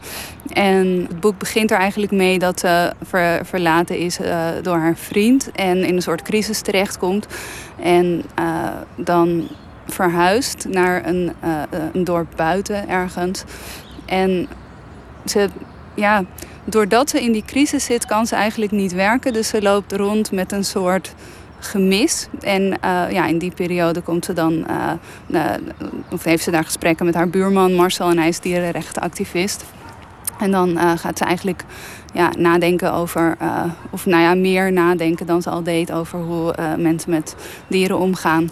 Ja. ja, zij verandert eigenlijk van een, van een kunstenares met idealen in een, een militante dierenactiviste. Ja, precies. Ja. Ja, en dat is uh, aan de ene kant um, ligt het er in het verlengde van. Ook naar haar idee, omdat ze iets heeft van ja, ik ben altijd uh, politiek bezig geweest. En um, ja, haar werk is voor haar ook altijd wel activistisch geweest. En ze heeft nu het idee dat er echt iets ergs aan de hand is en dat er wat moet gebeuren. En aan de andere kant ligt natuurlijk helemaal niet in het, het verlengde daarvan. Maar over die ja, spanning gaat ook haar, uh, haar twijfel eigenlijk van van wat, wat moet ik doen als mens en uh, ja, wat, wat is mijn plicht in deze. Dus, uh, en ja, ze, ze, ze raakt daar ook op een bepaalde manier uh, in verzeild in die, in die gedachtegang. En dan kan ze niet meer zo goed uitkomen. En Marcel is de, uh, de activist die uh, zover gaat dat hij bompakketjes in, of voor de slagerijen in de stad of, of door het hele land eigenlijk verspreidt. Dus die geweld gebruikt. Ja, en Iris raakt er dus van overtuigd dat, dat er inderdaad een noodzaak is om je echt te verzetten. En uh, ze vraagt zich dan af van ja, wat, wat is verzet in deze? Wat heeft wel en niet nut? Uh, welke dingen gebeuren er allemaal al? Uh, en ja, gaandeweg raakt ze dus er ook van overtuigd dat die bompakketjes een goede manier zijn, omdat ze um, ja, het probleem echt aankaarten. En Marcel overtuigt haar er ook van dat die pakketjes veilig zijn en dat hij alles onder controle heeft. En dat het dus weliswaar geweld is, maar um, alleen schade toebrengt aan. ja, aan materiaal, zeg maar, niet aan mensen. Dus ja, dat is het idee. En zonder te veel te, te willen verklappen, bedoel, dat gaat mis. Dat ja, is... het zit er dik in natuurlijk ook dat het misgaat. Ja.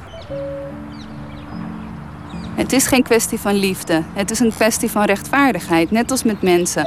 Als ik niet van een bepaald mens houd, mag ik diegene nog niet doodmaken om een tas van zijn huid te maken. Er is geen enkele reden waarom het bij dieren ineens om liefde zou moeten gaan.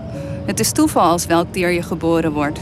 Stel je voor dat er stallen vol met baby's waren of met kleine kinderen. En dat hun nageltjes en tandjes uitgetrokken werden, zodat ze elkaar niet konden verwonden. Iets wat ze deden omdat ze zich zo verveelden en pijn, jeuk en honger hadden. Dan, ik viel hem in de reden.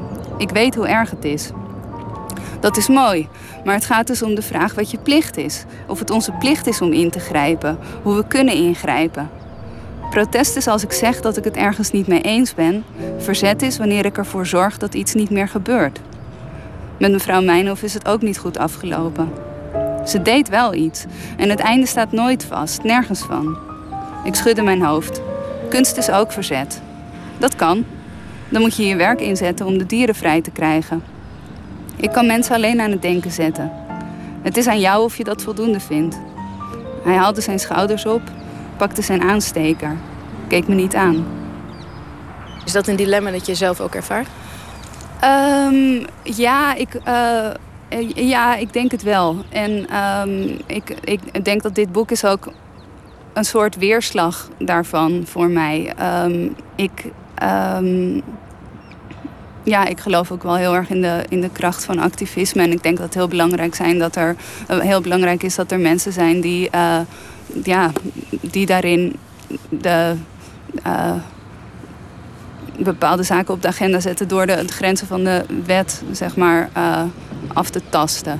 En, Betekent dat dat je bompakketjes wel goedkeurt? Um, ik, ik denk dat het ik denk dat het niet helpt om, uh, om geweld te gebruiken op die manier. En dat er ook andere mogelijkheden zijn. En ik denk wel dat, ik bedoel, ik neem het wel heel serieus als een politiek probleem. Dus ik neem ook zeg maar, uh, en ik kan het, heel, het sentiment van mensen die geweld gebruiken of. dus dat soort geweld wat in principe niet tegen dieren of mensen gericht is. Um, ik, kan, ik kan hun gevoel daarover heel goed begrijpen. Maar ja, het is niet, je kan, niet, je, je kan geen, geen mensen in gevaar brengen om, om zeg maar het, het gevaar van anderen aan te kaarten of zo. Weet je, dat, het, klopt ook gewoon niet. Het, uh, daarin kies ik er dus ook, om, uh, kies ik er ook voor om ja, werk te maken en niet bompakketjes te plaatsen in slagerijen. Um, Iris twijfelt op een gegeven moment of die besluit eigenlijk van kunst is niet meer voldoende voor mij. Ja, dat klopt. En het is een beetje.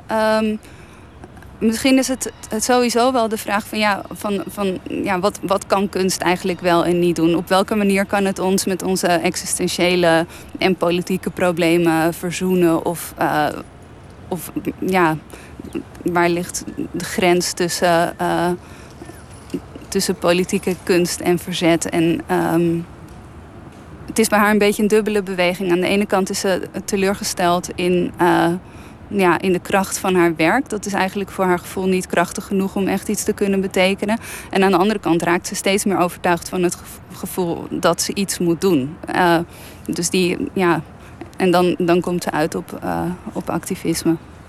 Het gaat er ook over bij haar dat ze eigenlijk te gevoelig is om het te kunnen relativeren. En dat sluit ook wel aan bij dat gevoel van, van verdriet of uh, ja, dat, je, dat er al een aantal lagen van je afgepeld zijn, waardoor je weinig weerstand kan bieden tegen, um, tegen andere erge dingen.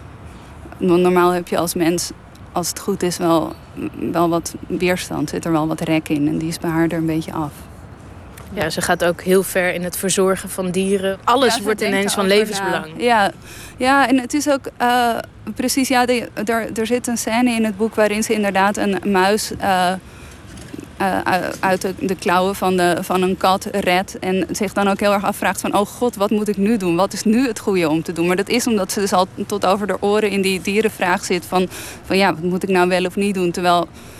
Um, en dat kan ze dan ook niet meer goed relativeren op dat moment. Nou zijn die, die grote vraagstukken van wat is zinvol in mijn leven, hoe doe ik het goed? Er zijn de afgelopen tijd een aantal boeken verschenen van generatiegenoten van jou, bijvoorbeeld uh, Franka Treur en Maartje Wortel, die eigenlijk ook over die vragen van hoe doe ik het goed en hoe geef ik uh, zin. En daarin zijn de hoofdpersonen allemaal zo midden dertig. En wordt het eigenlijk gekoppeld aan zo'n uh, vraag van, van, van jongeren. Van hoe moet, ik, hoe moet ik dit leven vormgeven wat nog voor me ligt. En jij kiest voor om een een ouder iemand te nemen, een oudere vrouw.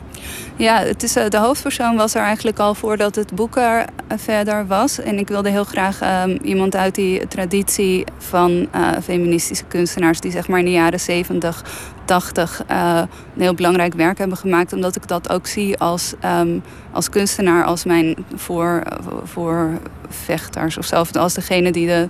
Die de um, weggeëffend hebben voor het werk dat wij nu kunnen maken. En ik voel me ook, zeker als beeldend kunstenaar, in die traditie staan. Um, en dat, er zijn niet zoveel uh, oudere vrouwen als hoofdpersonen in boeken. Dus uh, dat vond ik ook wel belangrijk. Het zijn vaak of jonge mensen of oudere mannen. En ehm, ja, zij was daar dus. En, en het thema van, van dierenrechtenactivisme was er. Dus zo kwam ik op die, uh, die hoofdpersoon, zeg maar. Het huis was overgroeid met klimop. Het is een goede staat, zei de makelaar terwijl ze opkeek van haar telefoon. Het is tien jaar geleden nog gerenoveerd. Zullen we even binnenkijken? Ze wachtte niet op antwoord en haalde een sleutel uit haar tas. Paul ging als eerste naar binnen.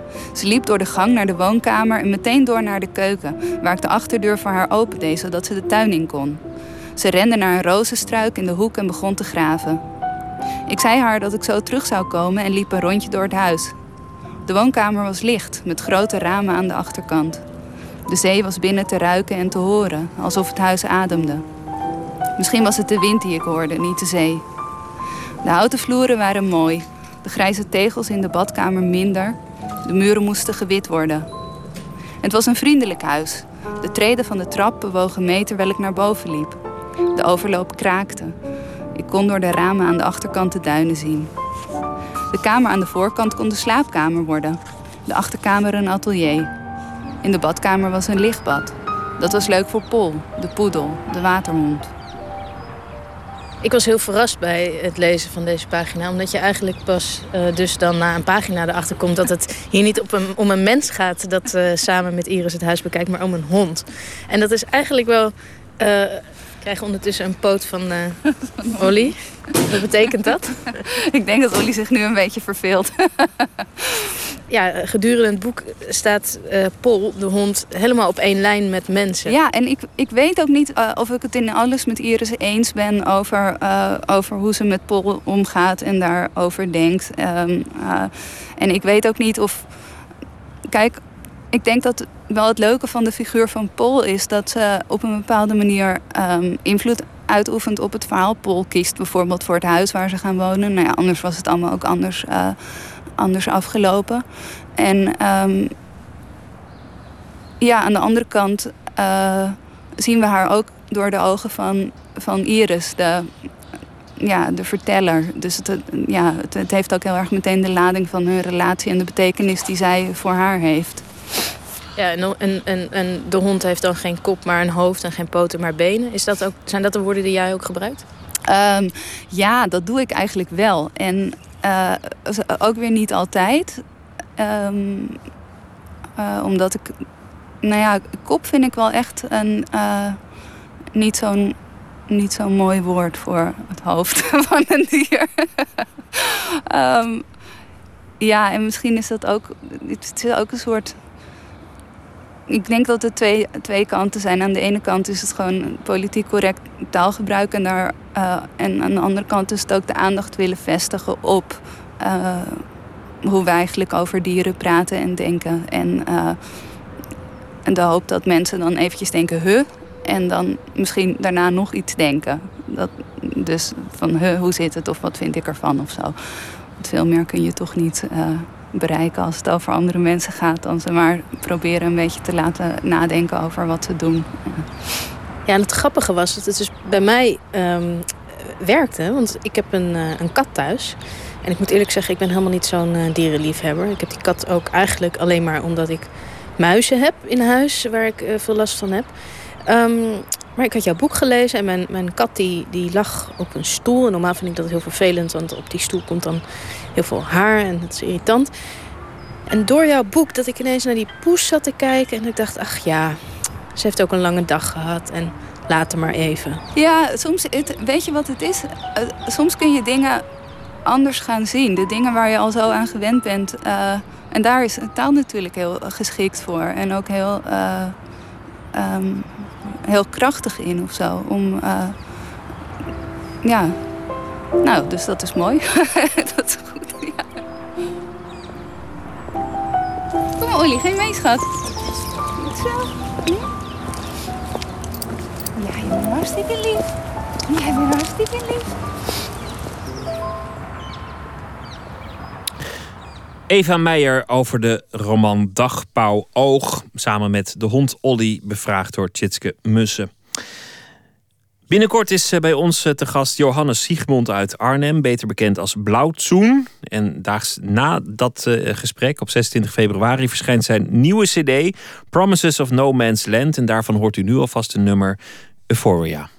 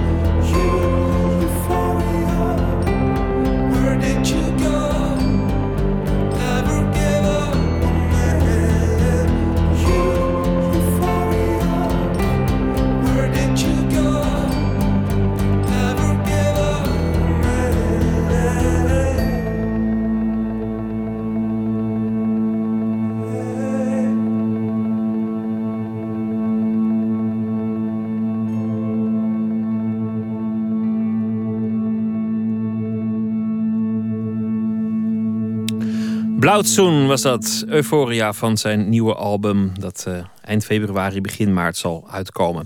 Daniel D. is uh, stadsdichter van Rotterdam. Hij is ook uh, schrijver. Heeft de bundel gemaakt Monsterproof. En de novelle De Zondige Daad. En deze week schrijft hij elke dag voor dit programma een verhaal. Op basis van iets dat die dag is gebeurd. Hallo Daniel. Ja, hallo. Kijk, daar ben je. De telecommunicatieautoriteiten gunnen ons dit keer het gesprek. Wat heeft jou ehm, tot schrijven uh, gebracht vandaag? Ja, het begon eigenlijk uh, vanochtend met het bericht dat er uh, minder geweld is tijdens het uitgaan. derde jaar op rij al, geloof ik. en later op de middag las ik over de eis van vier jaar voor Badahari. Dus eigenlijk geweld in het uitgaansleven. Juist, want Bader Hari was, was gaan feesten en uh, dat, dat feestje mondde ook uit op een uh, knokpartij. En dat kan hij nou net heel goed vechten, dus dat was niet zo leuk voor de tegenstander in dit gevecht. Nee, precies. Ja, dat is het verhaal natuurlijk. Ja, ja ik, uh, ik ben benieuwd wat je ervan gemaakt hebt. Requiem voor al die zinloos gesneuvelde bierglazen. Of zoveel millennia evolutie en nog niets wijzer geworden. Ik belde Jacob met de vraag, wat neem jij mee? Ik Ikzelf heb nog een busje pepperspray. Niets bijzonders, maar het effect is soms schijnig. Zo vaak hadden we de overhand. We stonden op voor de kick en de grensverleggende pijn. Of voor een biertje. We sprongen uit bed om te knokken. Je laat je maten niet alleen. Nergens, nooit.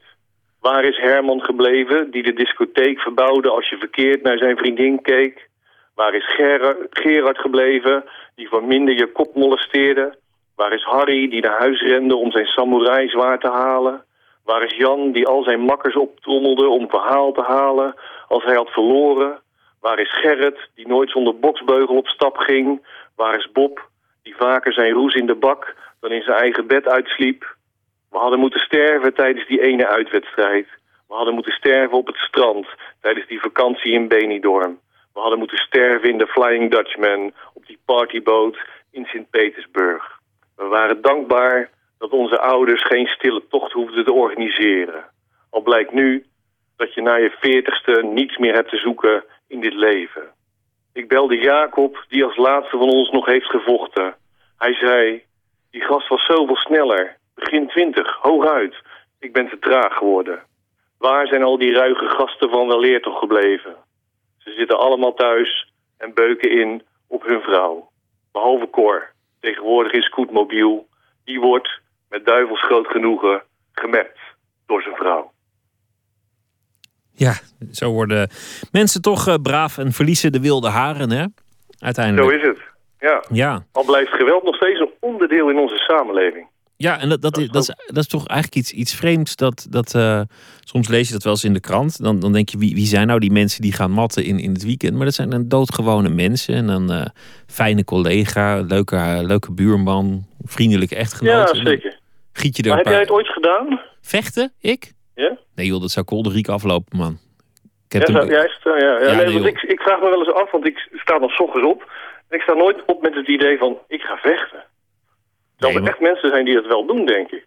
Ja, denk je dat zo gaat? Ik denk dat het mensen zijn die met de beste bedoelingen uitgaan... en dan in, in de groepsdwang en dan veel te veel drank erin... en dan, dan komt uh, de, de donkere nou, zijde de, boven. Neem bijvoorbeeld uh, nou ja, vanavond uh, de voetbalwedstrijd. Die jongens die stonden vandaag op met het idee van... nou, laat die Feyenoorders maar komen. We kunnen ze hebben. Ja, misschien dat dat ook wel gebeurt. Misschien dat het een het ander niet uitsluit. Ja. Nee, precies. Ja. ja, het kan ook inderdaad dat je uitgaat en dat er dan een vervelende gast is... en die ook nog uit zijn mond stinkt de hele tijd uh, hè, in je nek zit te hijgen... dat je denkt van ja, nu is het genoeg. Nou, ik, las, ik las bijvoorbeeld een keer in de krant... en toen was er, was er ook echt iemand uh, overleden. En er moest zo'n uh -huh. jongen die moest, moest voorkomen. En toen vroeg die, die rechter waarom schopt hij? En toen zei hij omdat iedereen verder schopte. En ik wist niet wat ik, wat ik deed, maar ik schopte maar gewoon mee. Dat was iemand die deed maar gewoon mee. En, ja, die, ja. die zat daar dan ineens voor, voor moord of doodslag of zoiets. Wonderlijk, toch? Ja, dat is zeker wonderlijk, ja. Ja, ik moet eerlijk zeggen, ik uh, ben niet zo heel erg tegen geweld. Maar het moet dan wel uh, een soort van eerlijk zijn. Er moeten dan twee mensen zijn die het allebei willen. En, en een beetje aan elkaar gewaagd zijn ook. Ja, het liefst wel natuurlijk, ja. Anders, dat, zou, anders ben je gewoon dom. Ja, dat, dat zou een soort acht, een 18e eeuws duel zijn. Dan, dan zou je zeggen, je hebt mij beledigd, ik daag je uit voor een duel. Jij kiest ja, de wapens, daar is niks mis mee. ik kies de plaats. Ik. Ja. Ja, daar, daar, vind ik, daar vind ik dan ook nog wel wat voor te zeggen. Dat, dat we het uitgaansgeweld proberen te kanaliseren... en daar gewoon een, een eervol 18e eeuws duel van maken. Ja, eigenlijk moeten we daar, uh, ja, daar moeten we voor gaan pleiten. Ja, want, want een samenleving zonder geweld, dat is, dat, is, uh, dat is een illusie. Dat gaat nooit gebeuren. Ik denk het niet. Nee, zeker niet met mannen. Nee. Oh, ja, testosteron en al dat gedoe. Ja, ja, vrouwen hebben ook geweld, maar die doen, dat, die doen het anders. Meer, meer onder, onderhuids. Die, en, ja, en veel gemener. Maar die denken op termijn, dat kunnen ze nou eenmaal zo goed. Daniel, dankjewel. Tot, uh, ja, gedaan, tot hoor. morgen. Tot morgen. Hoi hoi. Goed, we gaan uh, verder met soulmuziek. India Arie, Break the Shell.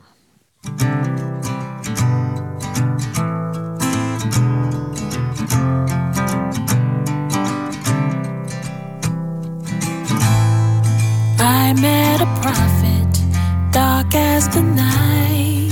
She could see into my soul. Said she'd been watching and had some advice. She said shadows make you whole. Alive without pain is a wolf in sheep's clothes. Cause if you listen to the lessons that it holds, you'll find the gold. Child, it's time to break the shell. Life's gonna hurt, but it's meant to be felt. You cannot touch the sky from inside yourself. You cannot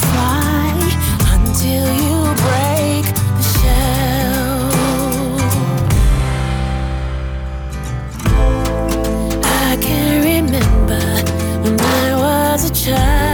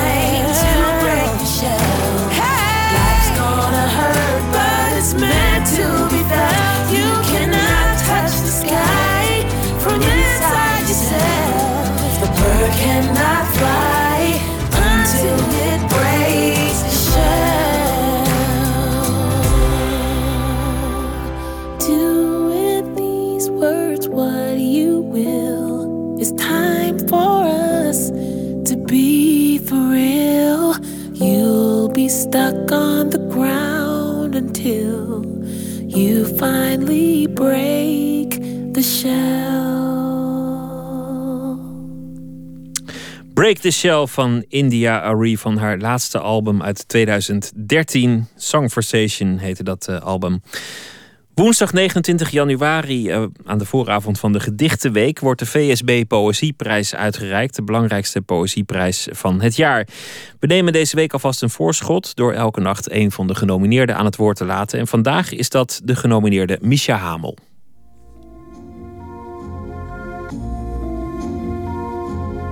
Het eerste moment dat ik iets met eh, gedichten te maken kreeg was in mijn conservatoriumtijd. Toen ik zo'n jaar of uh, 2, 23 was. Toen kocht ik veel eh, gedichten. Ik kan me met name de bundel van Thomas Oosterhof, uh, Boerentijger, nog herinneren. Dat ik die zo fantastisch vond. En ik schreef vrij veel brieven.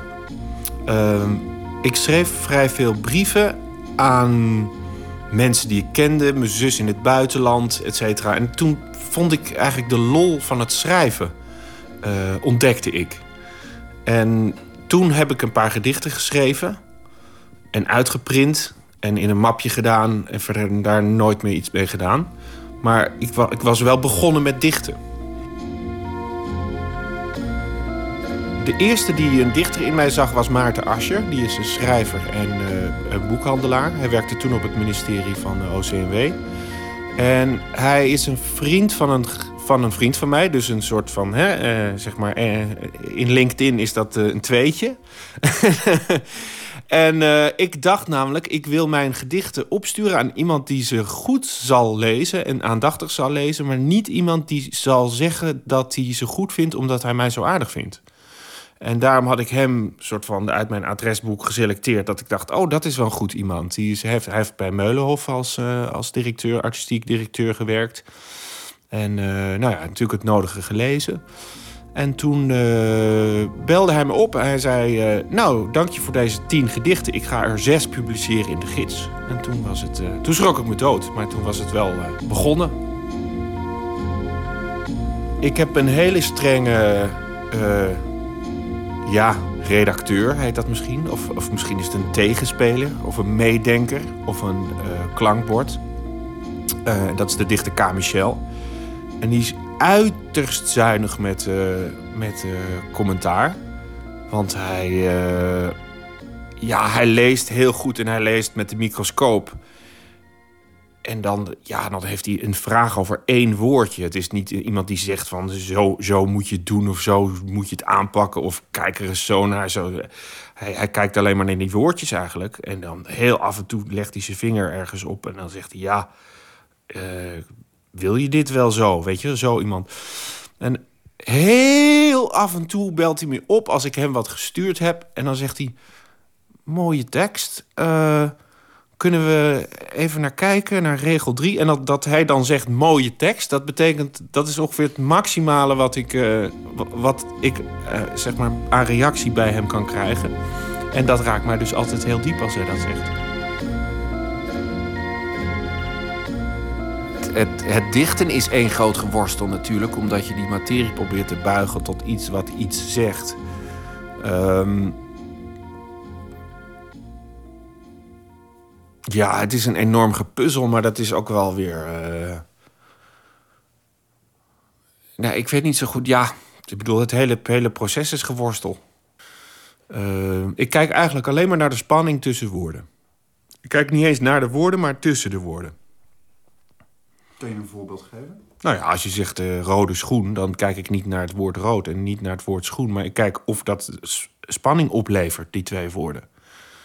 En nou is rode schoen, is, daar is geen bied aan. Want dat is, eh, behalve dat het een soort sprookjescitaat is, de rode schoentjes. Dus dan heb je, dan heb je het alweer over de, wereld die daarachter gaat. Maar goed, dan, eh, dus ga je naar... dus ga ik op zoek naar iets wat wel spanning heeft. En zo, zo zit ik door te puzzelen. Ik schrijf om ergens van af te komen. Ik ben altijd, ik ben altijd blij als ik klaar ben, want dan heb ik het weer, dan is het weer weg. Dus ik ben helemaal niet bezig met hoe goed het is of wat het, of wat het precies is. Ik ben eigenlijk bezig met, eh, eh, met blij zijn dat het af is. Mammoet. 10.000 bier geleden zei ik tegen mijn vrouw: Ik ben even weg om een mammoet te stenigen. En daar was hij. Hij kuierde doodkalm op mij af, plantte zijn boomdikke poten in de opdooilaag, ademde in en zei: Jij bent geen man van het land. Jij noemt appels wel of niet biologisch en je hebt een haanvormige buxus in je tuin. Aan de universiteit heb je weliswaar gestudeerd op voedselketens en inferentiemodellen. Jouw kinderen zijn beide in een petrischaaltje verwekt. Bovendien zit je vanwege jouw onsmakelijke ziekte inmiddels zo chockvol medicijnen dat je bijkans licht geeft in het donker. Ja, een toxisch gevaar vormt voor de wormen die jou straks verorberen moeten. En daarbij komt, jouw dochter die wil bij de revue. U moduleert met uw stem alsof u een tekenfilmkarakter bent, repliceerde ik, alle in mij opgetaste snedigheid aanwendend. Dus ik heb eerlijk gezegd niet bijzonder veel op met wat u allemaal beweert. Toen sloeg het stil. De polwind ruiselde zachtjes door onze stugge haren. De mammoet flapperde traag met zijn oren, zuchtte mismoedig, keek omhoog en sprak. Alle beschaving is eigenwaan, mijn jongen. Toen vlijt op ieders rapport verscheen, gloorde er hoop. Maar nu de twintigste eeuw in een geurige wolk van pijptabak vervlogen is, zien we dat er nauwelijks duimkruid meer over is om het verschiet, al was het maar op de wijze van waspoeder, te vernieuwen. Dus weg met alle krullendraaierij en weg met die hoofdstedelijke arrogantie. Laat de genotmiddelen staan en gehoorzaam jouw roeping als schoonmaker, volksheld, hoofdpersoon of psychonaut. Maar hoe kan ik uit de oceaan van zinloze weetjes en waarheid naar boven takelen waarmee ik mijn dochter nog kan ompraten? Hou je mond, zei de mammoet. Jij geilt op lelieblanke cassières en je houdt je buik in als je op de weegschaal staat en jouw vrouw komt toevallig de badkamer binnenlopen. Ga heen en ga je huisdieren lastigvallen met het ABC-vermoeden of geef grif aan de onbe... U zult wel moe zijn van al dat gepraat. Zal ik wat te drinken halen?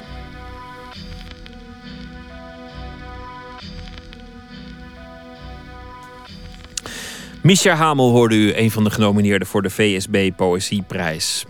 Andy Kaufman was een eh, anarchistische stand-up comedian. Hij was ook bekend uit de tv-serie Taxi als uh, Lotka.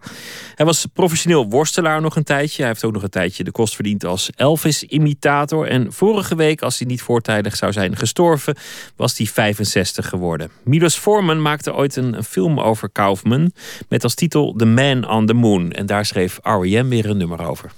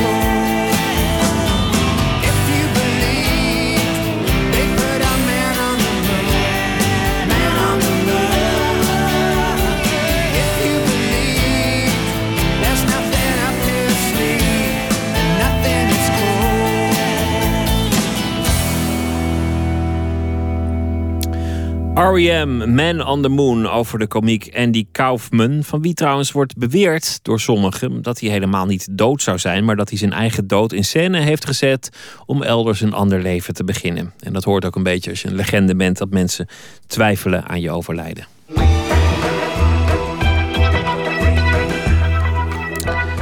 De VPRO op Radio 1 Nooit meer slapen. We hadden het er net al over. Het Internationaal Filmfestival in Rotterdam is begonnen. En daar zijn veel jonge makers te zien die daar voor het eerst hun werk tonen aan de wereld. En een van die debutanten is Esje Yanga, die samen met scenarist Sami Reinaert de spirituele gangsterfilm Helium maakte. Met een hoofdrol voor Hans Dagelet.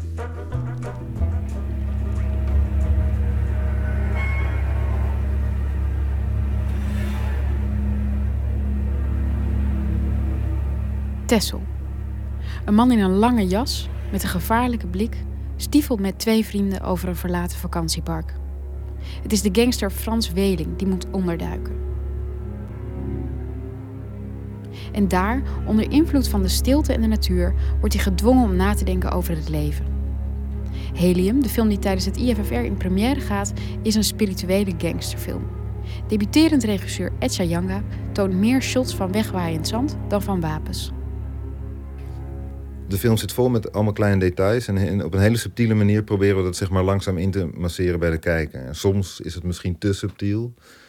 Maar ik geloof dat, dat het optelt en dat je uiteindelijk uh, het meekrijgt. En daarom is het beeld echt super belangrijk. En het geluid ook. Het geluid en het beeld is echt heel erg belangrijk. Zoals bij iedere film natuurlijk. Maar bij deze film, als, je het, als het iets mindere kwaliteit is of, of wat dan ook... dan wil ik ook nooit dat mensen hem op een laptop zien. En dan, dan heb je gewoon echt geen verhaal. Dan heb je gewoon echt geen verhaal. Bij een andere film kan je altijd terugvallen op het verhaal als het een goed geschreven verhaal is. En hier kan je gewoon niet terugvallen op het verhaal, bij wijze van spreken. En dat is niet omdat het verhaal niet goed geschreven is, maar omdat het dus in beelden ligt zoals die bij uh, Sammy uh, en, uh, en mij binnenkomen tijdens het maakproces. Sammy, dat is Djanga's vaste scenarist. Sammy Reinhardt. Het allereerste ideetje voor deze film is ontstaan uh, Etienne en ik die, uh, hebben samen op de filmacademie uh, gestudeerd. En ter voorbereiding van onze eindexamenfilm gaan we, zijn we in het derde jaar een week naar Texel gegaan. naar het vakantiepark om het plan voor onze eindexamenfilm te ontwikkelen.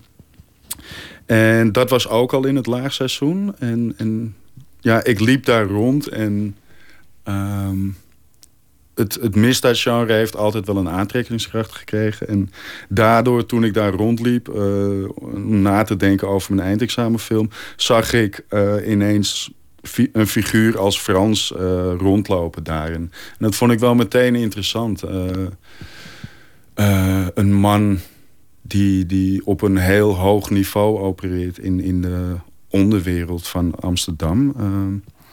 die, die in, ja, die op een leeg bungalowpark ronddwaalt eigenlijk. Dat vond ik meteen interessant. Was, was dat waar jij op aansloeg? Sla jij meteen aan op zijn ideeën?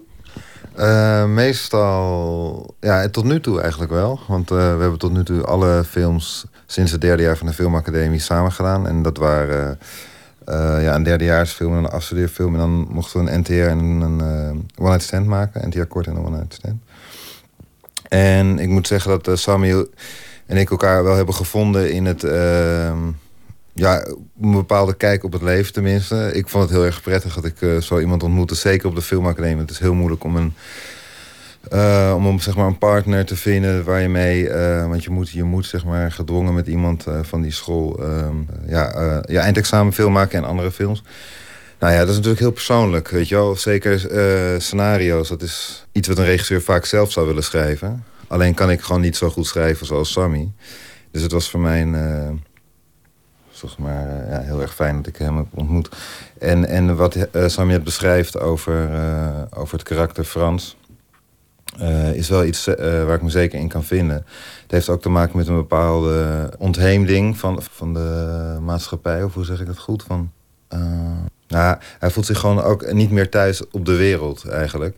En dat, is, dat klinkt dan meteen heel erg uh, suicidaal en uh, uh, deprimerend. Maar, maar op zo'n manier hoeft het, wordt het eigenlijk niet bedoeld. Want het karakter is bijvoorbeeld niet echt raakt niet echt gedeprimeerd, maar raakt misschien eerder verlicht.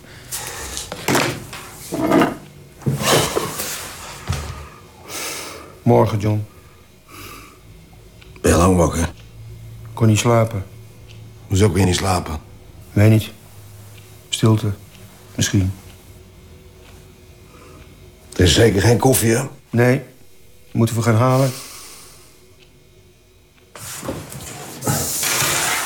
Wat ben je aan het doen? Henk, die investeringen van hem. Hij wil zijn geld hebben voor Suriname. Hij kan tyfus krijgen. Ik denk wat, wat voor de- deze film eh, betreft dat het wel goed is geweest. En dat geldt ook voor Etje. Dat eh, eh, ja, in onze puberteit en ook nog wel de jaren daarna... dat we allebei heel erg zoekende waren van wat willen we in dit leven. En, en we zijn niet meteen gaan studeren. Dat geldt eh, voor ons beiden. En, en was wel heel erg existentieel bijna eh, op die leeftijd al. En, en daarvanuit zijn we allebei...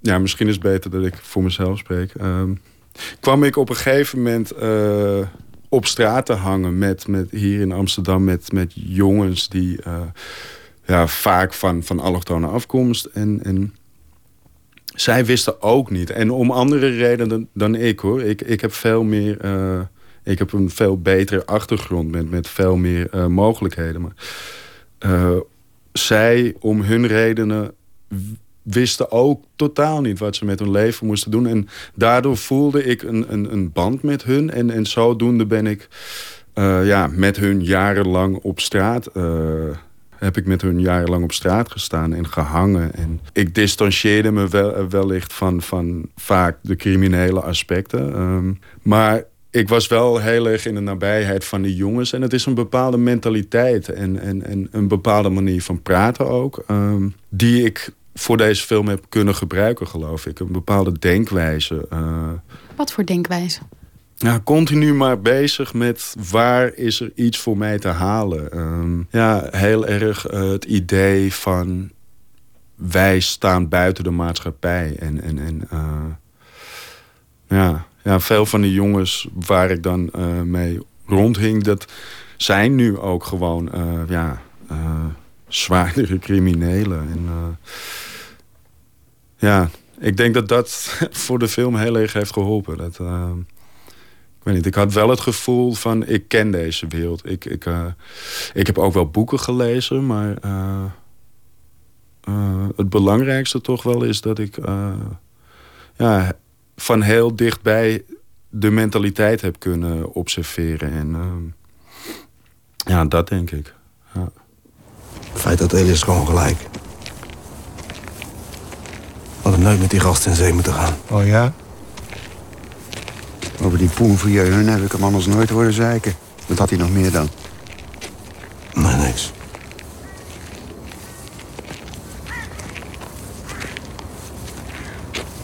Hoe gaat het nu met die club van je? Geluidsoverlast, toch? Je bent er voor naar de stadsdeel geweest? Gezeik. Dat wil je niet weten. Drie weken gesloten. De boel laten isoleren. Metingen gedaan en alles. Alles was in orde.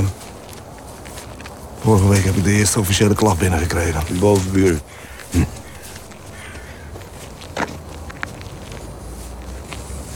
Weet je wat jij moet doen? Je moet gewoon zo'n gozer als Danny een paar meijen geven. Dan laat je hem om de week een kraak zetten. Kijken of ze er dan nog willen wonen. Ik dacht eh, meer aan Felix. Gozer is mij nog geld schuldig. Maar het is wel grappig dat je dan juist eh, zo'n hele oudere gangster neemt. En niet bijvoorbeeld inderdaad die, de, de jochies, de, de, de Marokkanen die nu de onderwereld echt regeren bijvoorbeeld. Waarom kies je dan voor een ouder karakter? Oorspronkelijk hadden we ook wel een iets jonger eh, karakter in ons hoofd. Eh 35, 40. En door de casting is het uiteindelijk eh, een oude persoon geworden. En dat vonden we in het begin best wel jammer, omdat eh, bij een ouder persoon, eh, Hans Dagelet nu, ligt het iets meer voor de hand dat zulke ideeën in, in, in iemands hoofd ontstaan. En we vonden het in het begin zeker juist interessant als dat een, een eh, jonger iemand eh, zou overkomen. Ehm, ja, dan zou het minder met leeftijd te maken hebben en, en daarmee misschien nog mystieker, eh, nog onverklaarbaarder. Eh, Maar door de casting was dat gewoon, ja, lukte dat niet. En, en ja, ik moet zeggen dat ik heb heel lang daar niet meer over nagedacht. Dus dat is wel een teken dat, eh, ja, dat het niet heel veel uitmaakte. Maar... Het, ma- het maakt ook niet uit in die zin van... het is inderdaad waar, we zochten een jonger iemand... inderdaad omdat hij dan nog voor een soort van keuze kan staan... en bij wijze van spreken. Maar we, het moeilijke van deze film was om een eh, acteur te vinden... die die binnenwereld naar buiten kan brengen. En, en als, je- als je daar de juiste persoon voor kon vinden... dan deed het er eigenlijk niet meer zoveel toe hoe oud hij was. Want natuurlijk, hij moet geen twintig zijn, maar... dat is de kracht van de film. En, en daar ligt het hem in. En, en ik denk niet dat mensen direct zullen denken van... oh, die man is gewoon eh, op retour en heeft er geen, geen zin meer in. Die voelen wel dat er ook iets anders aan de hand is. En dat kan Hans Dagelet gewoon heel goed, eh, heeft hij heel goed gedaan.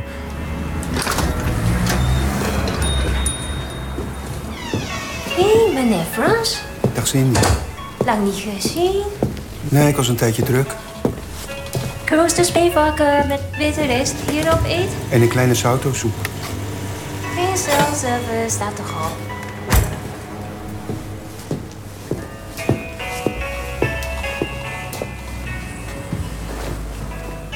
eh, toen Hans binnenliep in de castingruimte. En vanaf minuut één was ik eigenlijk gegrepen door hem. Want ik ken hem wel uit het theater. En daar zag ik nog niet echt een gangster in hem. Of in ieder geval, dat, hij dat, dat is ook heel moeilijk hè, om dat gewoon goed neer te zetten. Een goede gangster, geloofwaardig. Want meestal is het, eh, geloof je dan. En, en hij kwam binnen en hij, was, hij speelde al meteen, dat vond ik heel leuk, meteen het karakter, zeg maar, Frans. Dus in alles, ook in het aanspreken naar mij. En dat, eh, ja, dat, dat vond ik dat was erg charmant. Ik moest er heel erg om lachen. Maar, dat, eh, maar ik kon hem ook niet heel lang aankijken, merkte ik. Ik durfde hem gewoon niet heel lang in zijn ogen aan te kijken. En ik dacht van, ja, dat is goed, weet je wel. Dus eh, vanaf dat moment ging het eigenlijk al heel, heel vlug. Ik wist eigenlijk al meteen die eerste casting. Na een minuutje of vijf wist ik al dat Hans het moest worden. Hoe is het om hem te regisseren? Ik bedoel, jullie zijn, jullie zijn, of je bent een jonge regisseur. Ehm, ben je nog, als je hem niet aan durft te kijken, lijkt me wel een probleem eh, op de set. Ja, nee, dat was meer omdat ik... eh, ja, ik vind het moeilijk uit te leggen, maar omdat ik op een bepaalde manier heel erg geëmotioneerd raakte. Om... Ja, je zeg maar, je zoekt iets heel lang en, en je weet het niet precies, maar je weet wel allemaal wat het niet moet zijn. En, en van heel veel Nederlandse acteurs wist ik, hoefde ik niet eens te zien. Wist ik al, ook al waren het grote namen, ja, die zijn het gewoon allemaal niet. En die kregen, kwamen, sommige daarvan kwamen ook gewoon langs, weet je. Want je moet gewoon wel een goede acteur hebben. En dan ga je op een gegeven moment natuurlijk eh, concessies maken in je hoofd en zo. En, en, op moment, en dan komt opeens iemand binnen die het, die het gewoon is. En op het moment dat je eigenlijk al een beetje hebt losgelaten... dat je het misschien wel, nou, dat je het misschien nog gaat vinden. Dan ga je al in je hoofd, ben je op een ander pad bezig, oké. En ja, daar raakte ik een soort van geëmotioneerd. En eh, ondertussen speelde ik gewoon mijn spel van... eh, ik probeerde natuurlijk voor doen als een eh, ervaren regisseur. En, ja, en Hans keek gewoon een soort van recht door me heen. En ja, dat was eigenlijk het. Ja. Misschien klinkt het heel gek, maar zoals bij een soort van verliefdheid. Dat je gewoon iemand niet heel lang kan aankijken. En dat, dat, had, dat zo'n soort gevoel had ik bij Hans op dat moment. Dus ik was ook heel erg gelukkig op dat moment. Van shit, weet je, dit, eh, dit kan toch nog gaan werken. Maar net als bij een verliefdheid kan hij je in principe nog afwijzen ook.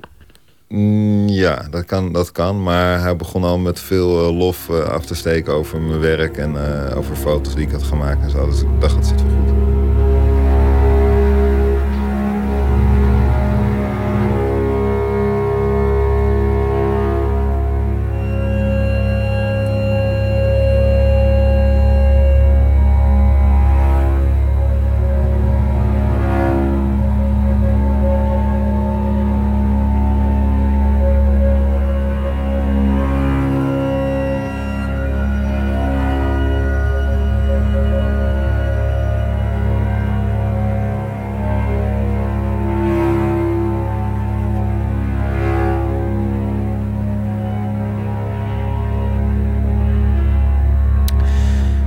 Film Helium, dat klinkt inderdaad als een eh, nou ja, spirituele gangsterfilm van Esje Janga. En hij is eh, te zien tijdens het Internationaal Filmfestival in Rotterdam. Zondag, donderdag en zaterdag. Dit was Nooit meer slapen voor vannacht. We zijn er morgen weer na middernacht. En dan praat ik met Kim Putters, de nieuwe directeur van het Sociaal Cultureel Planbureau. Over het woord van 2013 naast selfie. De participatiesamenleving. Dat dus morgen. Graag tot dan. Ik wens u nu een hele mooie nacht. En eh, morgen een hele vrolijke dag. En straks op Radio 1 de VARA. Op Radio 1, Het nieuws van alle kanten.